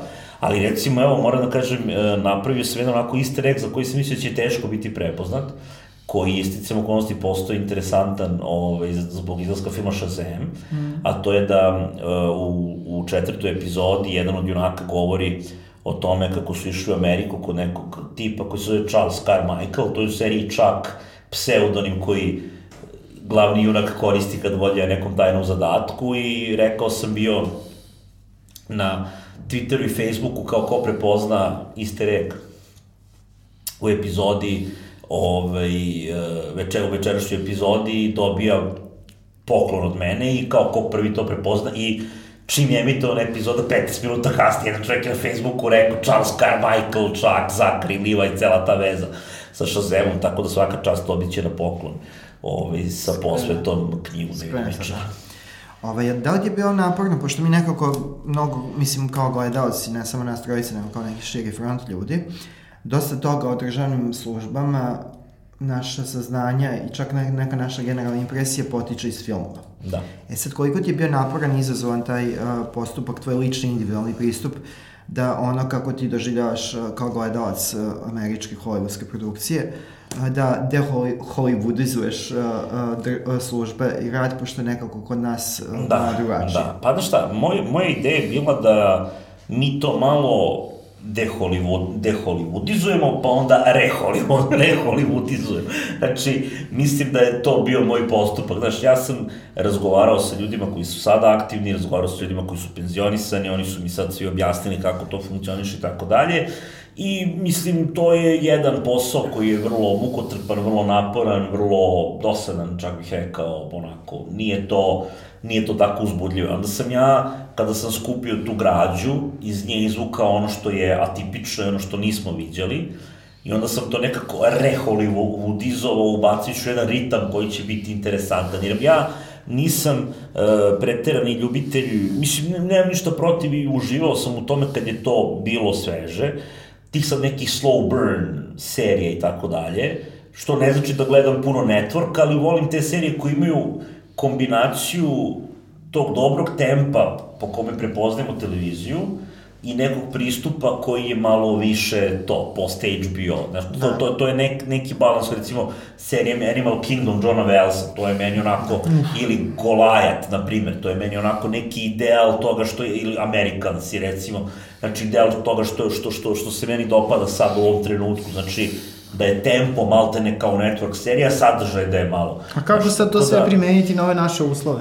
Koliko pa, si bio ograničen tim? Ni, ja u, u principu moram da kažem da sam imao zaista uh, u okvirima nečega što su neki racionalni okviri prosto rada u Srbiji, mogućnosti i tako dalje, da sam imao zaista vrlo veliku slobodu. To je jedan bio vrlo plodan kreativni proces u kome smo uh, prosto, kad sam uradio scenario, prosto prošli kroz celu tu stvar, videli šta su neke tu osnovne stvari Predrag koje treba. Antonijević je ti. Da, da, Predrag Antonijević, ja i, i kasnije reditelj Miroslav Lekić i Ivan Živković.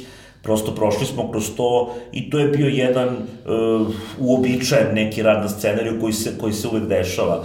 Ali je ovo kreativnom... tvoja prva serija zapravo? Pa nije, radio sam Montevideo kao scenarista. Samo što nisam bio sam, ovo je moja prva, da kažem, samostalna serija. Uh -huh. Tako da sam ja tu u kreativnom pogledu stvarno imao jednu, uh, ne samo slobodu, nego i mogućnost da ostvarim nešto što sam od uvek želeo da radim, ove, što je po nekim svojim elementima, moram da priznam, onako kad sam napisao taj scenario, ovaj, napisao sam ga onako stvarno, stvarno kako sam, ga, kako sam ja želeo. Domaćinski. Znaš, domaćinski. Ove, I kad sam ga napisao, onako, naš, pomislio sam kao, ajde da vidimo kak, kakva će reakcija biti na ovo. I bio sam spreman da ljudi kažu, pa dobro, kao otišao si predaleko u nekim stvarima. Međutim, Gaga je pročito i bio je vrlo ono, potpuno je shvatio šta, šta želim, shvatio je, shvatio je u kojim aspektima pokušavam da napravim neke prodore, Znaš, jer ne možeš ti sad u jednoj televizijskoj kulturi koja je na nekom određenom stepenu, ne možeš da praviš prevelike prodore, će ljudima biti odbojno. Mislim, mi se dalje bavimo televizijom koja jeste postala nešto više od televizije u HBO, ali istovremeno je to i pre svega posao. Mislim, to je pre svega biznis. Da? Ne možemo Ne možemo mi na televiziji da, da, da pristupamo to je mnogo drugačije. Znaš, ti možda napraviš seriju kao što su, ne znam, napravili Hrvatskoj ono patrola na cesti. Mislim, to je super, ali to je većini publike apsolutno negledljivo bilo. Znači, meni je to bilo sjajno da gledam kao slow burn, krimi, melodramu, ali u suštini ja mislim da većini publike to bilo potpuno enigma. E, mi smo napravili seriju za, koju mislim je pravio ozbiljne prodore i u prikazu društva, i u tretmanu žanra, i u, u, u, u tome ko glumi, kako glumi, šta se tu dešava, a da istovremeno ima mogućnost da generiše gledanost. I to je ono što mene zanima. Znači, mene zanima da pravimo prodor, ali da istovremeno nikad ne izgubimo nekoj relevantnosti i ja mislim da je ono što je za mene najvažnije, da, da smo postigli sa državnim službenikom, to je da smo prosto ostavili trag u našoj kulturi a mislim da već sad, evo, peta epizoda će biti sutra uveče, mislim da u tom cilju jesmo postigli, znači ljudi znaju šta je to. Na Superstar TV nedeljom. Priliku, da, na Superstar TV nedeljom u 21 čas ide premijerna epizoda. A onda Ove, sedam dana kasnije na Pinku. Šest dana. Šest. Subotom, e, subotom, da. Tako da je to možda malo zbunije ljude da je subotom repriza, nedeljom premijera. Eto, mene je zbunilo. ne, ne, pa jeste, da, ali je to tako. Dakle, nedeljom na Superstaru ide premijera i mislim da smo ostavili neki trak, što je po meni najvažnije, i da smo prosto pokrenuli nešto što, što je zanimljivo, ljudi razgovaraju o tome, neki ljudi koji ne prate toliko pažljivo serije su počeli da ih prate i prosto dobili su jedan novi sloj uh, za razmišljanje tu toj seriji. A je li imaš neke reakcije od ljudi iz službe, to jest iz agencije? Pa, uh, Kako ima, oni reaguju? Imam, imam, pa, znaš šta, vidi, uh, sad pretpostavljam da, da, nemam sad ja uvid to šta sad svako pojedinačno misli, ali od ovih ljudi sa kojima sam komuni, imao neku komunikaciju i sa ljudima koji se bave, bave, bave, bave tim poslovima generalno, njihove reakcije su vrlo povoljne, njima se serija sviđa, vole da je gledaju.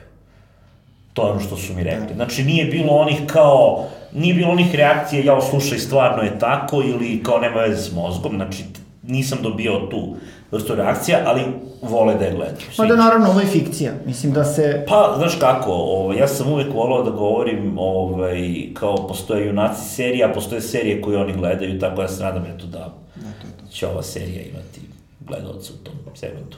Evo ti si pomenuo, znači neke serije uh, koje su ti kao neko bliz, bliske tvom gledalačkom mm. srcu, ali unutar tog žanra, znači toga šta bi bilo ono što te najviše nadahnjuje, a da je savremeno, je li to Berlin Station? To je pre svega Berlin Station, koja se nažalost u trećoj sezoni dosta ofucala i sad je i, i ukinuta.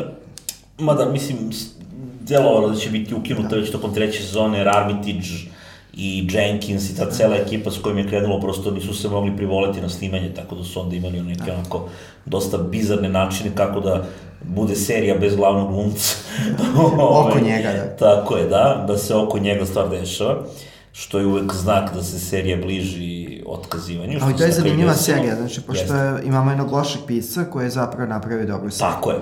Imamo lošeg pisca koji je našao utočište u televizijskoj produkciji, imamo reditelja koji je takođe krenuo dobro pa se onda rasklimao, to je Roskam, a onda je napravio taj dob, te do, dobre prve epizode u kojima je to koncipirao. Imamo neku u suštini ono najslabijeg mogućeg leading mana koji se mogao naći, a da pretenduje na filmski, na filmski, da. ovaj, a koji se odlično snašao. Tako, a koji se odlično snašao, znači sve, sve je bilo za, zavereno protiv te serije, na kraju da. jedno tri sezone imao. Da. Burning Station je svakako bio glavna inspiracija zbog toga što je to serija koja je, uh, koja se de, prvo dešava u Berlinu, dakle kao što sam naslov kaže, ajde malo i po Evropi šire, pošto da. ima i, i van Berlina, znači taj neki setting je, je bio interesantan i taj tempo je upravo u toj seriji postojao. Da, da. Uh, ona mi je bila vrlo velika inspiracija, svakako Amerikansi. E sad jedna serija koju svi odmah citiraju kao nešto što, što je kao najviše uticano da. državnog službenika, a na mene zapravo uopšte nije uticalo, jer mi je to jedna neomiljena serija gde sam gledao samo prvu sezonu, to je Domovina, znači Homeland. Da. Meni je Homeland bio, znači pogledao sam prvu sezonu i meni je to bilo onako baš, baš, baš Da, mislim da smo mi dogurali do treće? Pre, do početka da. treće, tu smo ovaj, dosta. I prosto ne, nešto se, nešto se između te serije i mene prosto nije desilo. Ne, ne želim Možda ne voliš serije sa ženskim likovima kao glavno? Uh, kao u romanima Stila Lašona, muškarci koji za žene. Da, mislim da je tu pa, problem sa glavnom junakinjom, pošto taj lik je postavljen prilično izazovno da. za gledalce, mislim, da. ta, ta vrsta neuravnoteženosti. Pa, mislim, ne znam, meni, meni je u toj prvoj sezoni, prvo mi, prvo mi je bila vrlo slow burn za moj ukus, uh, vrte, vrtela se strašno mnogo u krug oko nečega što je meni kao premisa bilo potpuno onako Mickey Mouse, mislim to sad, da. uh, te, ne, te neke stvari koje se dešavaju u toj seriji prosto mi nisu legle, ne, stvar to naivnosti, zaplete ili neuverljivosti ili nečeg, nego prosto, znaš, u nekom trenutku odluke tih likova i, i, i tempo u kome se oni izlažu, mislim, prosto mi je sve nekako bilo odbojno, znaš, da. i kao pogledao sam tu prvu sezonu i tu sam stao i nikada se nisam nakanio da gledam dalje, iako bih voleo, zato što je kasnije nažalost, više nije među nama, Henry Bromel postao showrunner, Ove, tako, recimo, e, dakle, Americansi svakako. To je zaista izuzetna serija. Jeste, izuzetna serija. Uh, onda Rubicon, koja je, da. pop, koja je slow burn i drugačija, jer da, ima nekih elemenata... Tek zakoračila, da. Koji su mi, da, mislim, koji su mi bili inspirativni. Ovaj, I to su, to su neke serije koje su me ovako najviše inspirisale. E sad, postoji jedna opšta atmosfera koja sad možda nije toliko artikulisana da, da kažem na nivou pojedinačne serije. Recimo, taj neki britanski isto stil, malo lekarea i tako dalje, to, to takođe, to takođe se javilo kao utice. Mislim, naravno, lekarea je da. specifičan, on je potpuno eksteritorijalno u tom smislu, ali, ali, sam, ali sam želeo da ima malo i toga, da ima malo i toga, naročito u tom aspektu tih uh, starešina, njihovih odnosa, znaš, tog nekog kancelarijskog, kancelarijskog prostora koji je dat uvek u toj nekoj paraleli sa dešavanjima na terenu. I bilo mi je jako važno, recimo, nešto što je uvek mi je bio problem u filmovima koje inače jako volim, to su filmovi o Bornu, uvek mi je, uvek mi je bilo ubistveno to taj neki ritam uh, uh, koji se stvori u situacijama sa Bornom, a onda potpuno opadne i tonus i sve postane drugačije u onim scenama kada Brian Cox i ovi u štabu da, nešto kao rad, radimo u glavi. Ovaj, I to, mislim, to, to, smo, to, to sam se potrudio da nekako rešim da, da, da ta korelacija bude nekako uspešnija, tako da u principu ovaj, ima tako nekih raznih izazova gde čovjek mora da razmišlja o raznim situacijama, stvari koje nisu toliko svojstvene našoj televiziji uh, smo napravili, međutim sad je ekspanzija krimi žanra, što me raduje, uh, E sad, špijunski serije nisu baš krimići, u klasičnom smislu, su nekoj, na nekoj ničoj zemlji između... Da. Dobro, mislim da se precipira ova serija... Da Kao u suštini, da. da. Jest. I, I ovo su ljudi koji ipak imaju iskustvo sa tim i onda je to prosto... A to je tim koji da radi ubice mogoca. Tako je, da, tako da ovaj, mislim da se to našlo pravo mesto, glumci su stvarno sjajni, mislim da je Milan Marić napravio jednu ulogu koja je e, drugačija od svega što je radio do sada. Jesi ga zamišljao dok si pisao? E, pa, dok sam pisao scenario, ja inače kad pišem scenario, se trudim da, ovaj, da ne zamišljam kad radim, kad radim ne zamišljam, da sad Ne, uh, ne, nisam, nisam imao nikoga na umu kada sam pisao scenarij, to što inače kad pišem scenarije se trudim da, da nemam Da se ne bi razočarao. Pa ne, nego da prosto pa, ne bih opteretio sebe nekom idejom koja posle možda iz nekih razloga ne može se realizuje, nego stvari se bavim likom. A onda kad mi znamo ko su glumci, onda naravno prilagođavamo scenariju tome. Tako da ja, e, kad sam pisao scenariju, taj lik je bio nešto stariji, jer nam je to bila ideja, onda, onda se pojavila mogućnost da igra Milan Marić, onda smo naravno taj lik malo podmladili, neke elemente njegove biografije i porodičnog života koje smo prilagodili, dakle, toj promeni okolnosti, ali mislim da je to vrlo dobro, dobro urađeno i da je vredelo, je stvarno mislim da je Milan Marić izuzetan u toj ulozi, jer on je jedan, pre svega, jedan promišljen glumac, znaš, i on je neko ko je razumeo više slojnost tog lika i problema sa kojima se on suočava, jer uh, ovo je špijunska serija, međutim ona se ne bavi samo time, ona se bavi i onim što je zapravo jedna od tih ključnih tema PIK TV-a generalno, a to je zapravo porodica, to je zapravo e, činjenica da ljudi šta god da rade, bilo da su ono, krotitelji zmajeva, tajni agenti, mafijaši, imaju neke životne probleme od kojih da. ne mogu da pobegnu. Znači, kao obični je, ljudi u neobičnom okolnosti. Tako je, i, i ova serija stvarno u tom smislu ima naravno, svaka epizoda se primarno bavi ono što, onim što je njen zaplet koji jeste ta neka špijunska priča, ne, tema vezane za terorizam i tako dalje, ali ali unutar toga sam se trudio postoji te neki odjek na privatni život junaka, a junak sa najkompleksnijim privatnim životom i problemima je zapravo glavni junak, a to je Lazar Stanojević i to je, i to je, mislim, Milan odlično prepoznao. Da, da, odlično je to uradio, zaista. Da, da, da. On je to prosto razumeo je šta, šta se tu dešava i napravio je da ti neki odnosi koji, kako bih rekao, ti kad nešto napišeš kao scenario, jako puno zavisi od realizacije, jer to sad ti možda napišeš melodramu koja možda bude, naš Douglas Sirka, možda bude sapunska opera, mislim, znaš, to, to, to, to ponajmanje čak može da zavisi od scenarija, znači, baš upravo vezano za to sa kojim uverenje i promišljenošću glumci prilaze, mislim da on tome prišao sjajno i uopšte sam vrlo zadovoljan glumcima, drago mi je što ima mladi glumaca novih koji tu donose neke uloge, a drago mi je to što prvi put ovaj, sam, eto, uključen u projekat sa nekim stvarno ono legendama, kao što je Berček, kao što je Lošević, mislim, to su stvarno veliki da, glumci, da, je... mislim, svakome je zadovoljstvo. Da. Kad se Berček pojavio, može da nam otkriš? Pa, vidio si ga u traileru. U, a, u traileru, da. Da, gledaj ga u traileru, ne dođe, dok ne dođe u seriju, vrti trailer. Dobro, mislim da je ovo i za Marića dosta bitna serija, u smislu da ga sad definitivno preporučuje kao leading mena Mislim, Dovlatov je bio veoma uspešan film u nekim evropskim Dobro, okvirima. Dobro, Dovlatov je ruski film. Yes. Znaš šta, mislim, u Dovlatu, da. mislim da je svakome bilo jasno, znaš, u Dovlatu je Marić u skoro svakom kadru, da. igra na jeziku koji mu nije maternji, koji do trudu čak nije ni znao i prosto pleni i dominira i, znaš, nađe se nekajno sa Danilom Kozlovskim i nema čega da, da se postidi, da. znaš. Tako da, mislim to, da je on leading man, to se u Dovlatovu apsolutno po meni. Ali sad svi znaju, recimo. Ali sada je pokazao da može da bude leading man u čemu što je mainstream. I da, ja se nadam da će, zahvaljujući ovom, o, ovoj seriji, ovaj, da će, da će to otvoriti prosto što bi Uelbeck rekao, jedno novo područje borbe i, i rada koje će biti interesantno. Dobro, evo onda da se na to nadovežemo za kraj uh, ovog dela razgovora, da vidimo uh, a, pošto kao imamo tu kao prepisivačku kulturu kod nas u popularnoj kulturi i u industriji filmskoj i televizijskoj, da li si već dobio neke pozive, neke ponude da uradiš nešto slično? E, pa, pa kao ovo je prošlo, da, pa nadamo se drugoj sezoni, tako da u ne, tom mimo, smislu, mimo da. sezone. Pa mimo, ne, nisam, nisam, pa dobro, ja sam u poslednje vreme radio nekoliko stvari, mislim, to je, ono, uđeš u neke faze, radio sam nekoliko stvari koje su bile u žanru, uh, u žanru trilera i tako nekih, da kažem, tema. E sad, ovo je prva od tih stvari koje sam radio da je, da je realizovana.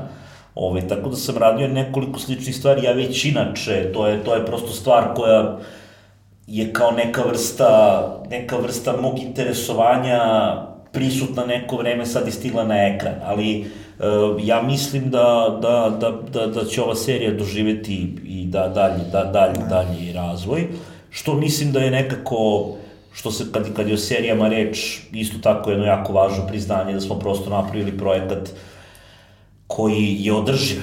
na, na više sezona i da ćemo prosto uspeti taj kvalitet da, da očuvamo i da će to biti interesantno. Tako da nisam dobio, nisam dobio neke nove ponude za ovako nešto. Ove, a mislim da ni ne, ni, ne bi ni bilo dobro da sad ovaj, da sad radi nešto slično što nije da, ovo, zato što prosto ne treba... Dobro, komplikovano je to pisati toliko tako, epizoda. Tako, tako. To je ko šest filmova zapravo. Jeste. Veliki je posao bio ovaj, i to je onako i emocionalno i fizički na svakom nivou iscrpljujuće, međutim to je prosto sistem rada kod nas, mislim kod nas scenaristički timovi u principu se kao u posljednje vreme formiraju, ali najvažnije serije u istoriji naše televizije su po pravilu pisali pojedinci. pojedinci. To je, eto, specifičnost naše televizije. Ajmo da vidimo šta imamo od, šta od značajnih vestija po, ponudimo. Znači, o čemu bismo da pričamo sada, da se skoro dogodilo. Uh, uskoro će biti uh, prikazan, Dimitrija mi se ti to pratio, znači HBO je uh, sad pokazao i prvi zvanični trailer za Deadwood the Movie, znači dobili smo neku vrstu zadovoljštine iz okruženja. Da. Dobit ćemo. Da, Dobit ćemo, da, da. Da zapravo voljena serija Deadwood, koja je sad sa ove tačke gledišta ne znam zašto ukinuta, znači ona je mogla da traje i da. predstavlja definitivno ono kao jedan od vrhunaca pro, da. iz produkcije HBO-a. Da. Znači, pa dobro, ta serija imala probleme u realizaciji. David uh, Milch, Milch da. je da. ovaj, jedan komplikovan čovek za rad i mislim da, ta, da rad na toj seriji je bio jedan, ovo kad sam rekao, da imamo stvar koja održiva na više da, da. sezona, znaš, to je, mislim, na televiziji kao serija Lak, isto David da, da. Milch i Michael Mann, kao odobrena druga sezona, pa su našli razlog da je ukinu kao vinil i tako dalje. Da, da, Prosto da, ima serija koja čak ni HBO ne može da kreativno da. kanališe. Ja mislim da su oni prosto u jednom trenutku morali da ukinu Deadwood, jer prosto nisu, ti ljudi Naravno. takvi nisu... Ali iz Deadwood za razliku od Lucky, od uh, vinila, mislim ja volim vinil da. jako, da ovaj Deadwood je uspeo da, da izrodi tu vrstu jest, jest. legende o Deadwoodu i šta, šta jest. se desilo i sada imamo Deadwood koji će uskoro se pojaviti kao uh, TV film, ajde uslovno rečeno, pošto HBO baš i nije uh, televizija, televizija per se. Uh, Znači, to je neki kompromis, da, i da. Uh, ono što se zna, znači ponavlja se uh, ova glumačka podela mm. i uh, uračunat je protok vremena, znači vidjet ćemo šta se dogodilo Znači ne počinje 7 dana kasnije, nego da. šta se s njihovim sukobima i tim uh, njihovim zamešadesima dogodilo i raduješ se u tome? Radujem se naravno, mislim da ti bookend filmovi su uvek nešto interesantno, nisu uvek dobri. Recimo, setimo se Homicide filma. Jeste, ali Looking je dobro. Kada da. delo, ali okej, okay, kao mislim, to je bilo u redu, ali to su neki ono bookendovi. Da, Look, Looking smo, je imao da, dobro za da, imali smo Entourage, HBO, to u stvari dosta rade, Entourage smo imali, imali smo Sex and the City, čak dva filma, da. ja. Ali samo je, ostali su nam dužni za Boss. Znači, boss je obećava da, da će da, biti da, kao taj book. To je jako frustrirajuće kad uložiš ono dve, tri godine života da. u gledanje neke serije Mislim i onda da, da. ostaneš bez zadovoljenja. Mislim da je teže ovima koji su radili nego nama, što nećemo pogledati. Da. Znači, to, Oni eto, to, možemo, novo, to možemo da najavimo i možemo da najavimo da će uh, uh, Kanski festival otvoriti novi Jim Jarmusch, a ovaj put je to zanimljivo. Zašto? Zašto Zato što Jim Jarmusch radi zombie film. Znači, zombie dobro koketirao je dobro, zombi film, pa onda širi zombi komediju, a on je i ranije kogitirao sa hororom, mislim, to nije sporno, ali mislim, meni ovo delo je stvarno urnebesno i jako, jako zanimljivo na nivou trailera. Da. A, vidjet ćemo, znači, mislim, moramo i pogledati da. film, ali jako je dobra ta glumačka podela, Uh, Bill Murray i ovaj, Adam Driver i Tilda Swinton. Da, Rosie da. Perez, mislim, mnogo ih je da. Zaista ih je mnogo i deluje kao nešto što ok, to su sad već neke poznate teritorije, kao zombi da, komedije je već bilo dosta, evo imali smo i nedavno ovaj, prvu hrvatsko-srpsku zombi komediju, na primer, pa da. onda ovaj, jedan, jedan minjon kratki, jedan, jedan, jedan mališana koji je prikazan da. na festu, naš scenarista sedi tu sa nama. Da. A, tako da, znači, a, to je već negde trend, dugi niz godina, te zombi komedije, ali mislim da Žarmuš može tu da Pa dobro, nešto generalno je zanimljivo kada kao ti veliki autori ili potvrđeni autori rade žanr. Evo sad smo gledali na festu i malo na repertoaru u Crnu reku Erika Zonke. Tako, sa Erika da. Zonku ne bi povezali se. Film, da. mislim, me, nikad ne bi rekao da Erik Zonka. Da, meni je čak više da. prijao nego njegovi ti ključni film. Ja čak mislim da ovo postoji, da, da postoji dosta dobra mogućnost da ovo bude čak komercijalno prilično. Da da. za Džamuša možda neočekivanog. Ali ajde da, vidjet ćemo. To ćemo vidjeti, to je ipak Focus Feature, se misli da to ono kao manje distribucije u startu da. već. On uh, ide na kan i posle negde u junu ide u bioskope, ono malo pre Tarantija. Znači imamo to, imamo najavu nečega što se mene, mene baš raduje, to je animirani uh, dugometražni film na temu porodice Adams. Adams. Tako je. E sad ovo je kao uh, onako baš na nivou ovog što smo pričali krštenice, to delo je prilično privlačno. Uh, dvojac koji je režirao Sausage Party, Glenn Tiernan i Conan, Conrad, um, recimo. Uh, uh, radili su ovu novu porodicu Adams, Charlize Theron, Oscar uh, Isaac, Bette Midler, Ellison Jenny, Nick Kroll, oni su davali glasove. Mnogi, mnogi. Chloe, Chloe da, Grace Moritz. To je pitanje šta će toga ostati kad film stigne da. u naše bioskope. E, I sad, mi smo to pominjali, često pominjamo, pošto mi kao na stari mrgudi, srednje godine nikom nisu oprostile, da mi zapravo kao te uh, ključne uh, razgovore koje vodimo kada se pojavljuje neki novi animirani film, idu oko toga hoće li biti jedna, makar jedna uh, uh, uh, ova projekcija koja nije Uh, sinhronizam. Da, pa dobro, prvo, ajde da, da, da, ne, kažem, da kažem koju reč... razumevanje zašto da, se da, to... Da kažem koju reč u odbranu sinhroniza, na sinhronizacije.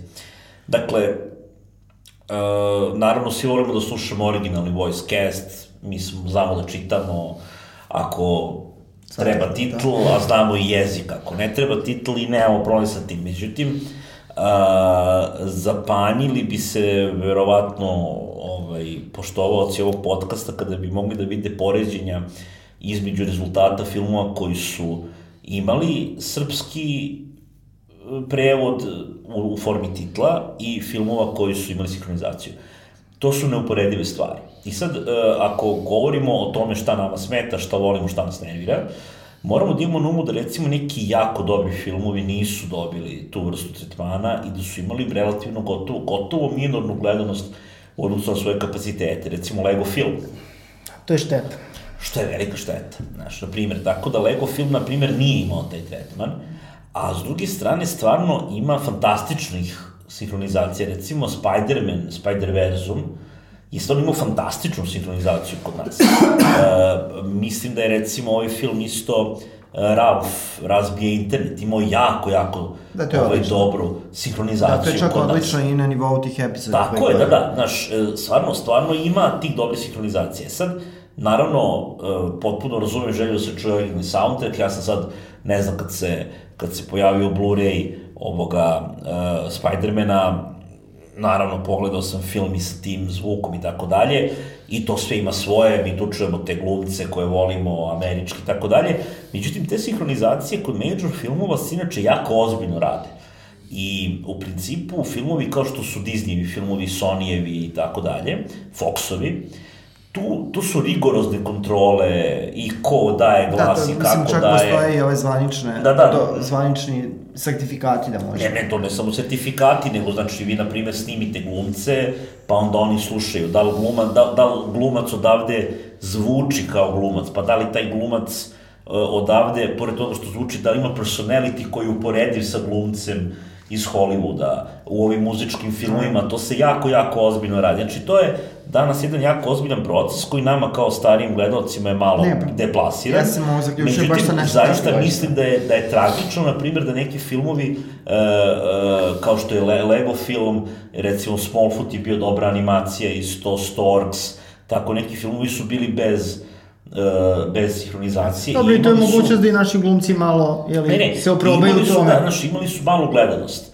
I to je šteta, znaš, tako da ja mislim da, da ta sinhronizacija jako puno doprinosi uh, gledanosti filmu i popularizacije animacije, znaš, jer recimo, evo, ako pogledate box office, uh, Lego film, na primer, ja volim sve nastavke tog serijala, stvarno, možda najviše ovog Batmana, ali volim i prvi, i Batmana, i Ninjago, i ovaj novi mi je super. Znaš, to je zaista onako razočar, mislim, razočaraš se kada vidiš koliko to zapravo nije došlo do, do publike. Dobro, drugi deo je prošao slabije i u svetskim okvirima. Pa dobro, došao, prošao je slabije u svetskim okvirima, da, ali nema veze, mislim, ni prvi, ni prvi, ni Batman, ni Ninjago, da. prosto, generalno, uh, ako se ne uradi ta nasinhronizacija, to ne dođe do, do, do ciljne grupe. Ja mislim da, recimo, deca to treba, treba da vide. Dobro, apelujemo na distributere onda da rade sinhronizacije, ali da bude i varijanta da može da se tako, pogleda i originalna tako, da, verzija filma. Da, da, da. To je najbolji kombo onda. Jeste. sve za kompromis. Da vidimo, znači, na, na planu domaćeg filma, znači, posle onako dugo većanja, šta se zbiva s tim filmom i kada će se pojaviti, obznanjeno je pre par dana da će Nebeska tema, dokumentarni film o Vladi Divljanu da. u režiji Mladina Matičevića, biti prikazan na Divljanov rođendan 10. maja, znači ne u okviru festivala Festa Martovskog Beldoksa kako je bilo, uh, kako se negde šuškao, nego da će zaista imati taj zaseban tretman. I to je dobro, pošto se od tog filma dosta tako je, tako. očekuje i to je film, i mislim da je to zapravo prvi naš film nekog širog opsega koji je deo financije našao na tim crowdfunding. Da, da, uspešno našao. da je prošao. Bilo je pokušaj, ali... Bilo je pokušaj koji su bili simbolični i, uh, mislim, ovako, mimo teme kao Vlado divljanje, jeste ikonična pojava. Ovaj film preporučuje to što ga radio Mladen tako Matičević. Mladen Matičević, mislim, dobro se pokazuje na nivou mog zanata o Arsenu Dediću, ali mi Mladena Matičevića volimo kao reditelja filma. Jedan na jedan. Na jedan. Znači da je to ono kao srpski istern. Tako je. Košarkaški. Ja se jako radujem što u filmu mislim da je dugo bio u realizaciji i koliko sam shvatio vrlo je ambiciozan, da, da. pokušao da, bude da je da jednu sveobuhvatnu sliku jednog stvarno velikog, velikog umetnika. Uh, I onda kad smo tu da pomenemo uh, da se negde zaokružuje program Beldoksa, znači tako neće je, biti tako. film Nebeska tema, ali u tom domaćem programu dugometražno ima onih filmova o kojima se poduže vreme pisalo, pričalo, koji će sad konačno doći pred domaću publiku. Znači šta imamo tu? Imamo Tauronom boj Jelene Maksimović i Dušana Grubina, a festival će otvoriti uh, film uh, Darka Bajića, Linije života, znači film dokumentarni sa večeri koji je napravio svom uh, ocu Milošu Bajiću. Znači dugo očekivani, poznatom slikaru. Imamo film dokumentarno eksperimentalni Ivana Markovića o Centru Sava, to može da bude prilično zanimljivo. Ivan Marković nam je, znači, ovaj, kao svetlo obraz ove godine imao uh, čak dva filma u zvaničnom programu Berlinskog festivala, jedan u Panorami kao reditelj, kao jedan od reditelja, a drugi u glavnom takmičarskom programu, ovaj nemačko-srpski bio kao direktor fotografije. Fotografije. Da, da. Imamo uh, Decu proleća Dušana Solomuna i opet nešto u vezi sa, uh, baš u jakoj vezi sa nebeskom temom, a to je film Električni orgazam za buduće uh, generacije Marije Vukić, gde zapravo imamo opet dokumentarac na temu blisku da. Uh, vladi. Ja, vratit, ćemo, vratit ćemo se svakako da, na Belbox. Da, biće svakako i Belbox yes. je, znači kad... Sa fokusom ovaj, na ove domaće da, filmove. Imamo još i film The Black Listed Sara Markovića i Nikola Dragovića, a ono što samo da kažemo okvirno, znači da je uh, festival na više tih festivalskih lokacija i sa podosta programa i prvi put sa uh, programom za, takmičarskim programom za kratkometražni film, festival Beldox ove godine od 9. do 15. maja. I hoćem, evo imam sad jedno pitanje za Đorđe. Đorđe, šta ćeš raditi u četvrtak 18. aprila? Pa zavisi u koje vreme. U 7 uveče. Što se tiče uh, tog večernjeg termina od 19 časova, uh, Zoran i Ivan Velisavljević i ja ćemo predstaviti uh, svoju knjigu uh, koja je objavljena u koja je objavljena u izdanju Filmskog centra Srbije. Um, naslov vidite ovde, znači The Best Serbian Films of the 21st Century. Uh, zapravo ovo je neka vrsta ne nastavka, ali produžetka naše knjige Kritički vodič kroz uh, srpski film. Uh, zapravo ovde se nalazi izbor, uh, po našem nekom mišljenju, najzanimljivih, najboljih filmova, srpskih, dugometražnih, igranih, nastalih u periodu od 2001. do danas negde otprilike 45-6 filmova je tu stalo, ima i Dimitrijevih. Nemoj mi Ima, ima. Kako je to, kako je to? Ko je to radio? Ko je to radio? Sve pitanje. Ovaj, Što mi ne reče? Um, zapravo ova prezentacija u Delphi kafeu, znači Delphi SKC, Uh, 18. aprila u 19 časova. Hoće biti na engleskom prezentacija, pošto da, da. knjiga na engleskom. Dvojezično. Izgled... Dvojezično, simultani prevod će biti. Biće na srpskom, znači da, biće da, na srpskom. Da. Znači, nas trojica autora će ovaj, tu biti i još neki gosti.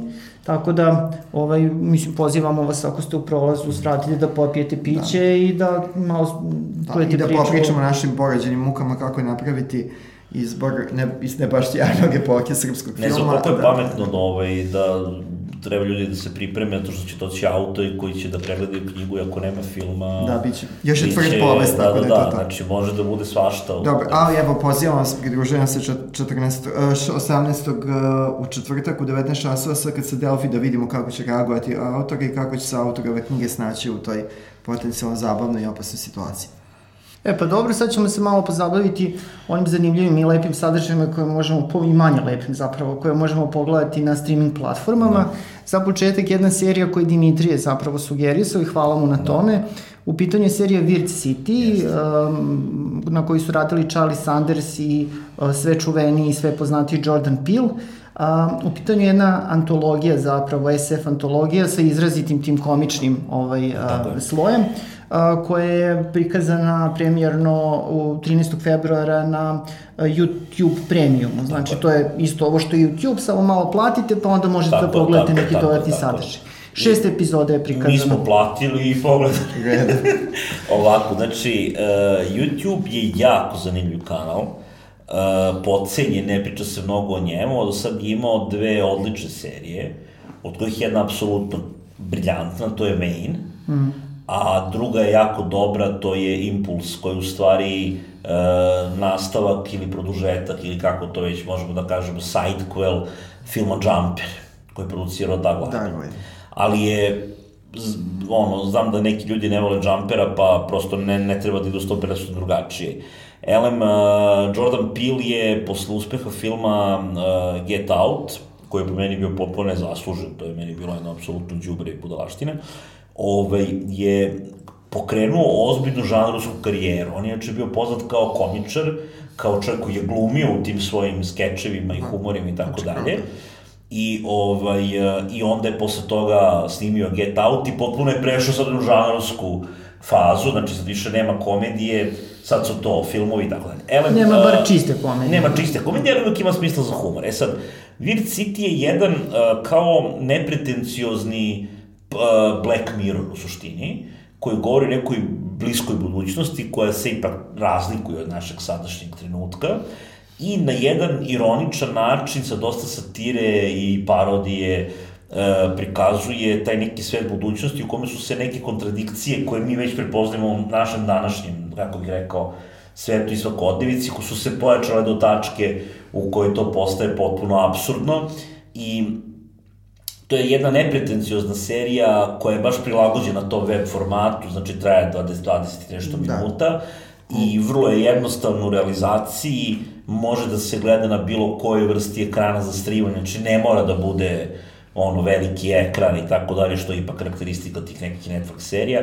I meni je to bilo, meni je to bilo interesantno. Uh, Jordan Peele je to radio kao producent i uh, Charlie Sanders je zapravo njegov saradnik sa tih humorističkih, znači Charlie Sanders da. je pre svega pisac komedije i mislim da su napravili jednu seriju koja je po meni podcenjena. To je moj utisak. Dobro, i sve te serije zapravo imaju malo duže život, možda da, žive na da, da, da, da, tako da mislim da će ovo, da će da, ovo dobiti neku slavu. Da. Mislim, Weird da. Nije ništa epohalno, ali mislim da nije zanemarljivo, a čini se nekako onako malo zanemarena stvar.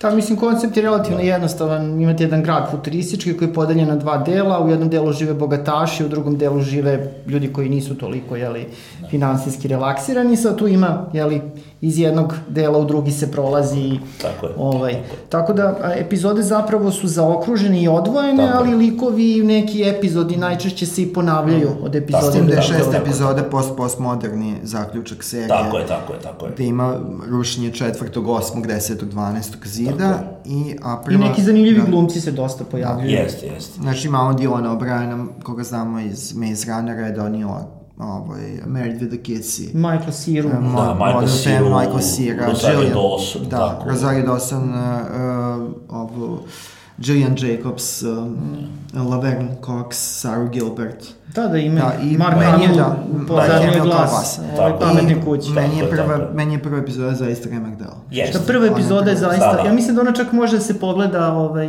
besplatno. E, pa eto, znači ako da. može besplatno, pogledajte prvu epizodu koja je zaista briljantna. Da znači koje me onako potpuno...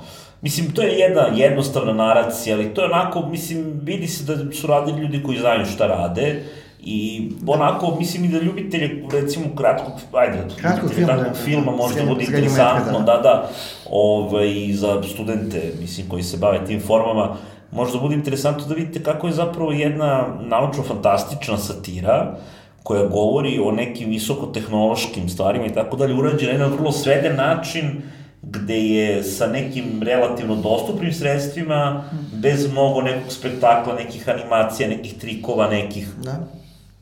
Tako, ekskluzivnih stvari stvoren utisak jednog budućeg sveta, upravo to kroz Da, pritom je, pritom je prilično društveno polemično, pošto jest, kao jest. Uh, polemiše sa tim uh, ljudsko-pravaškim... Da, znači moram da kažem, mislim da ste film As podcenili, ovaj, meni je film As trenutno i dalje nešto što mislim da ljudi apsolutno treba da pogledaju na, na repertoaru. Nismo mi rekli da ne treba. Ne pa treba dobro, niste rekli da ne treba, ali A nismo- ni, ni, ne znam. Nismo podelili oduševljenje. Dobro, Niste podelili oduševljenje, ali dobro, naravno, mislim... da U odnosu treba na Beži, Da, mnogo da, da. Treba, treba, naravno, različito ljudi gledaju, to nije, nije što je sporno, ali meni recimo, film As zaista onako nešto što mi je potpuno za 180 stepeni pre- preokrenulo odnos prema Jordanu Pilu. Mislim, ja sam već gledao Weird City pre Da, da. filma As, tako da sam ovaj, imao jednu korekciju razmišljenja. Tu te malo otkravio. Da, da, ne, ali je meni As potpuno zaista za 180 stepeni, znači od jednog čoveka za kog mi je bilo potpuno zbunjujuće. A da li ti funkcioniše i taj sam kraj, znači taj preokret?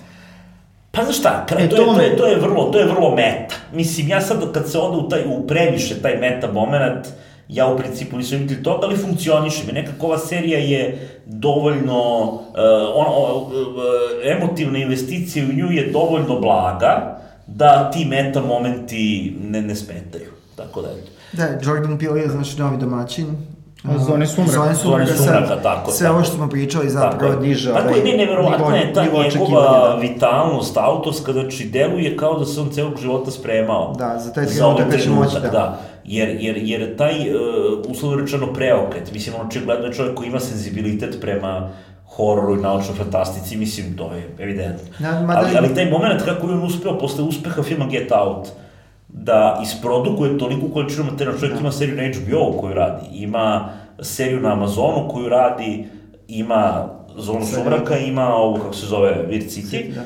Uh, to sve pokazuje u stvari godinama pripremao nešto i da je sad samo došao trenutak da I to- teško je zamisliti da bi to moglo biti izvodljivo u nekom drugom okviru, u smislu ako uzmemo šta bi Da. bio pandan njemu, znači Mark, kao kada bi Mark Lawrence uh, istog nekog skeč Tako je, sveta tako je, tako je. izronio kao reditelj, kao Tako je, producent, tako je, scenarista, tako je, znači, tako je, tako je. a da imamo taj afroamerički Da. okvir kao Da. ne, nešto što ipak sputao. Tako, ne, to je potpuno, mislim, ja, ja ne To znam koja bi to bila, karijera, da. koja bi Nema to... pandana baš. Da, da, baš nema, ja, ja ne mogu setim slučaja kada, je, mislim, pa, pazite, ima jedan pandan, recimo, zanimljiv, ali čovjek nije bio glumac.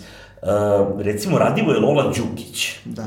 je čovek koji se bavio pre svega, znamo ga, isk, mi ga isključivo poznajemo kao komediograf, ali tako, ni ništa Da. drugo se ne pominje. Ali on je snimio recimo film Balada o svirepom, jedan vrlo zanimljiv film koji je na granici praktično filma Strave i užasa, jel? Tako je sve samo ne komedija. I koji je Koji je pritom sve samo imao i film koji je i bunkerisan. Tako ovo, je. uh, Na, ovo sad, kako je bilo, on je ostrao na brane, šta je to? Ona brana, Brana, jedna, da. da, neka, ne, neki film koji je takođe Da, bio thriller, upada- da. upada u to, tako je, tako je, tako je, tako je, da, da. I imao je, imao je SF roman, koji u duši ima elemente satire i bio je komičan, ali je bio zaista SF. Mislim, E, to da, nisam da, da, znao. da, da, da, da, ovaj, znači imao je čovjek SF roman, a pazite, mi ga, ali, ali ipak kod njega taj preokret, dakle, nije zaživeo, on je to sve uradio i to je ostalo negde u pozadini i mi ga ne znamo kao značajnog SF pisca, niti ga znamo kao reditelja, da kažem, Dobro, horror Pil, filma. Pilova karijera je zapravo onako Da, baš da, da. postala Jest, major kada je jest, prešao na jest, horor. jest, Da s tim da je radio Đuki stvara u uslovima kada je ovde uopšte trebao bilo šta stvoriti, mislim. Tako je, U tako je. stvoriti televiziju, Uopšte, da, da, stvoriti- uopšte nije bilo infrastrukture. Stvoriti sadržaj, infrastrukturno je bilo to on, doba, da. Nije on ni mogao da sad Da, da, da. počne pravi zonu sumraka u tim okolnostima. Naravno, hoću da kažem, eto, to je zanimljivo. Dakle, imate te ljude koji se bave komedijom,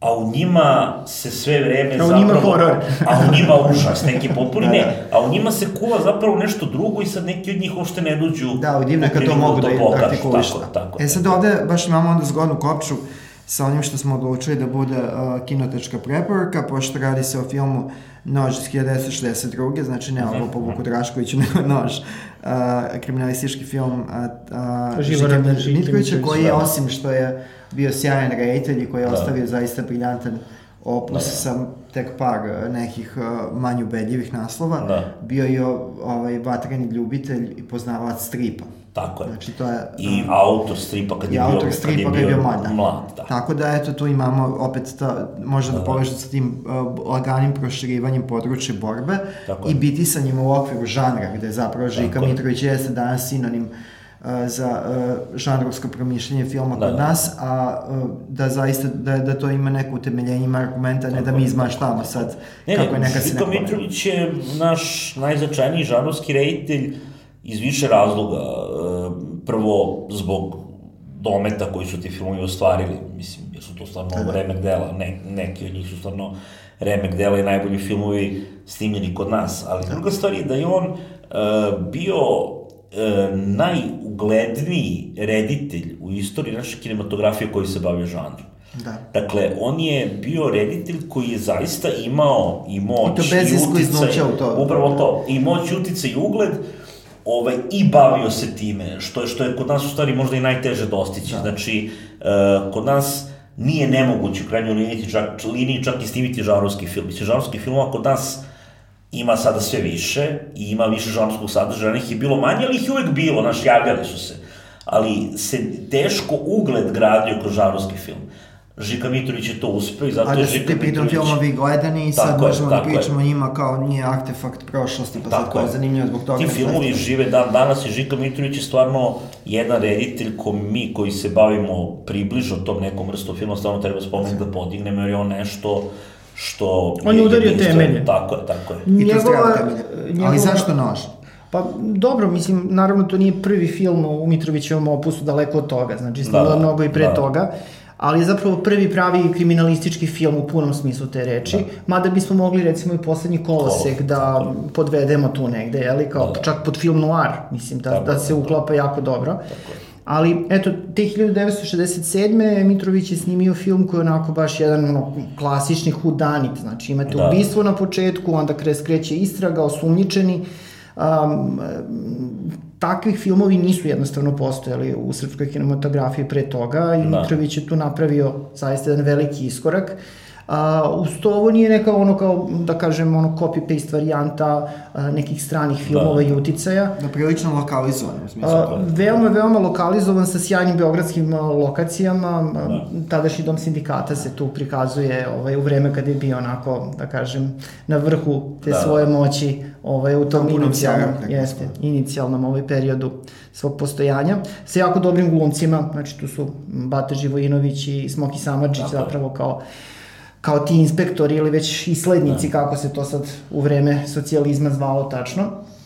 Ovaj, I neke intervencije su tu jako zanimljive uh, u stilskom pogledu. Znači, imate recimo um, uh, kućne vide uh, tog ubijenog pevača Tako koji se prikazuju unutar da. filma zapravo kao found footage negde da, pre found footage-a. Da, sa subjektivnom, sa subjektivnom kamerom. Tako, tako gde vi uhvatite, znači, tog ovaj, ubijenog Aleksandra Kiša kako snima zapravo, u ogledalu ga uhvatite da, kako snimate da, neke svoje da. bahanalije u svom, u svom stanu. Da, da. Njega inače ovaj uh, Hadžimanov, da, da, da, uh, ovaj, uh, Zafir Hadžimanov jeste glumi. Tako da, izuzetno, izuzetno zanimljiv film i ovaj, čini mi se onako malo m, skrajnut uh, da. kada se prave ti neki da, pregledi. Mislim da on ima manje dramatičan naslov, da ga je to malo sad kao omeo, to je nož u smislu na ono ubistvo na podmu koje svira način, da baš Izninski da, da, da, da. Taj film je dve da, godine da, kasnije da, snimen, da.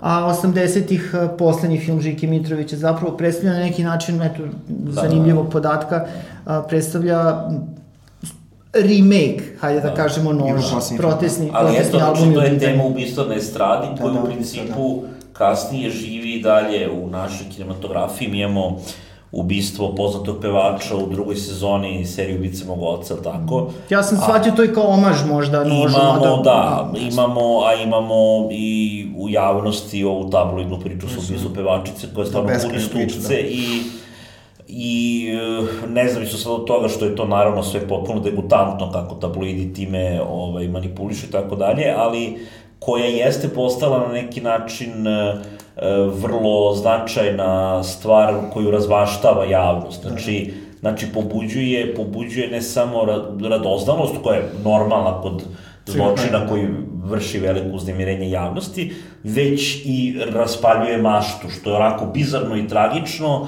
ali pokazuje da je to zapravo potentna tema koja kod nas nikako ovaj, ne izlazi iz bode. Da, mislim, množno je zanimljivo i da zapravo ako stavimo na stranu ljubav i model i tako neke filmove, da uh, je on prilično konsekventno se bavi popularnom kulturom. Tako je. Znači, mi imamo pevača koji je popularan sa pozicije kao te nove popularne kulture unutar te jugoslovenske moderne. Da, da, da. Ovaj, što je prilično ovaj, zanimljivo i onako ima i, i pod teme narkomanije koje su. Da, da. Znači, mislim da taj film... hrabar film za vreme kada je nastao. Jest, jest. Da. I svakako da. Jednu, jedan život uh, tih uh, povlašćenih elita, elita da. koje su već zapravo počele da žive po nekom da, zapadnom obrazu. Da. da.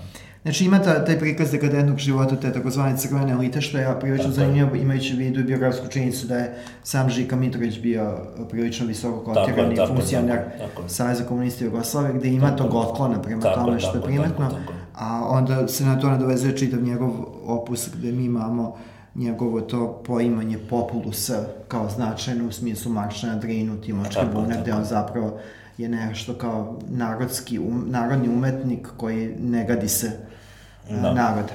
Tako da ovo, ovo je zaista sjajan film koji treba da pogleda. Da, Žiko je jedan par excellence zapravo, zapravo urbani autor i ako pogledamo film Sava Mala, da. Uh, koji je njegovo pozno delo, ali delimično autobiografsko, da. to jest ima nekih elemenata koji su autobiografski, mi u stvari shvatamo da je taj veliki reditelj jugoslovenskog westerna, jel, pošto da, da. je Žika Mitrović bio reditelj koji je onako stvarno radio filmove u vreme kad se to, on, ode na lokaciju pa na planinu pa se dovedu konji pa Znaš, ono, kao, baš je to bilo kinematografija u punom smislu. Da, mislim, Te to nisu, reči, to nisu špageti western. Upravo to, to su bile i partizanski filmovi i neki filmovi, u stvari, nekih ranijih epoha. I ozbiljne produkcije. Tako je, ozbiljne produkcije, znači da, da, da, da takav reditelj, u stvari, bio jedan par excellence urbani tip iz tog vremena, znači, čovek iz Savamale, da. uh, strip crtač koji je napravio neke par excellence urbane filmove koji su govorili o, o tom jednom, uh, uslovničeno možemo da kažem čak i naliči u to grada u to vreme, ovaj, kao najhrabriji američki krimići. Mislim, krimići uh, koji su na takav način prikazivali dekadenciju uh, u, društvu, to je 60, znači godina, znači to je godina pre dolaska novog Hollywooda, to je još uvek pre nego što će doći što, što, je, što je Žika Mitrović govorio Fonda i njegova deca. Da. znaš, da, kad je bio u Hollywoodu, ovaj, bio je na nekoj praksi kod George'a Stevensa, znaš, i pitali su ga, pa jeste razmišljali da ostanete u Hollywoodu, on kaže, pa znate šta, ja sam tamo bio kod George'a Stevensa, a onda su se okolnosti promenile, došli su fonda, fondina deca, ovaj, kao i to je onda, to je onda sve poremetilo. Tako da, mislim, da. možemo, znači, nož da istaknemo samo, onda i čitav opus, pošto Žika Mitrović sem ovih urbanih filmova, je zapravo uh, srpski autor koji se najviše bavio uh, Kosovom i Metohijom. Tako je, tako je, da. I to je zaista respektabilno. Yes. To su sjajni filmovi yes. i čak i Miss Stone potpada po taj kosovski tako je, tako je, tako je. Kapetan Leši, kako ne. Kapetan, tako mislio sam je. Makedonija kao prostorna kao tako. Tako je. Inače, Kapetan Leši je zanimljiv slučaj, uh, dakle, pesma iz filma Kapetan Leši koja je vrlo poznata, da. jel? Je ovaj, kasnije ovaj, obrađena ta melodija, obradio je Haris Džinović. Da. I, ovaj, ali sa potpuno drugim tekstom.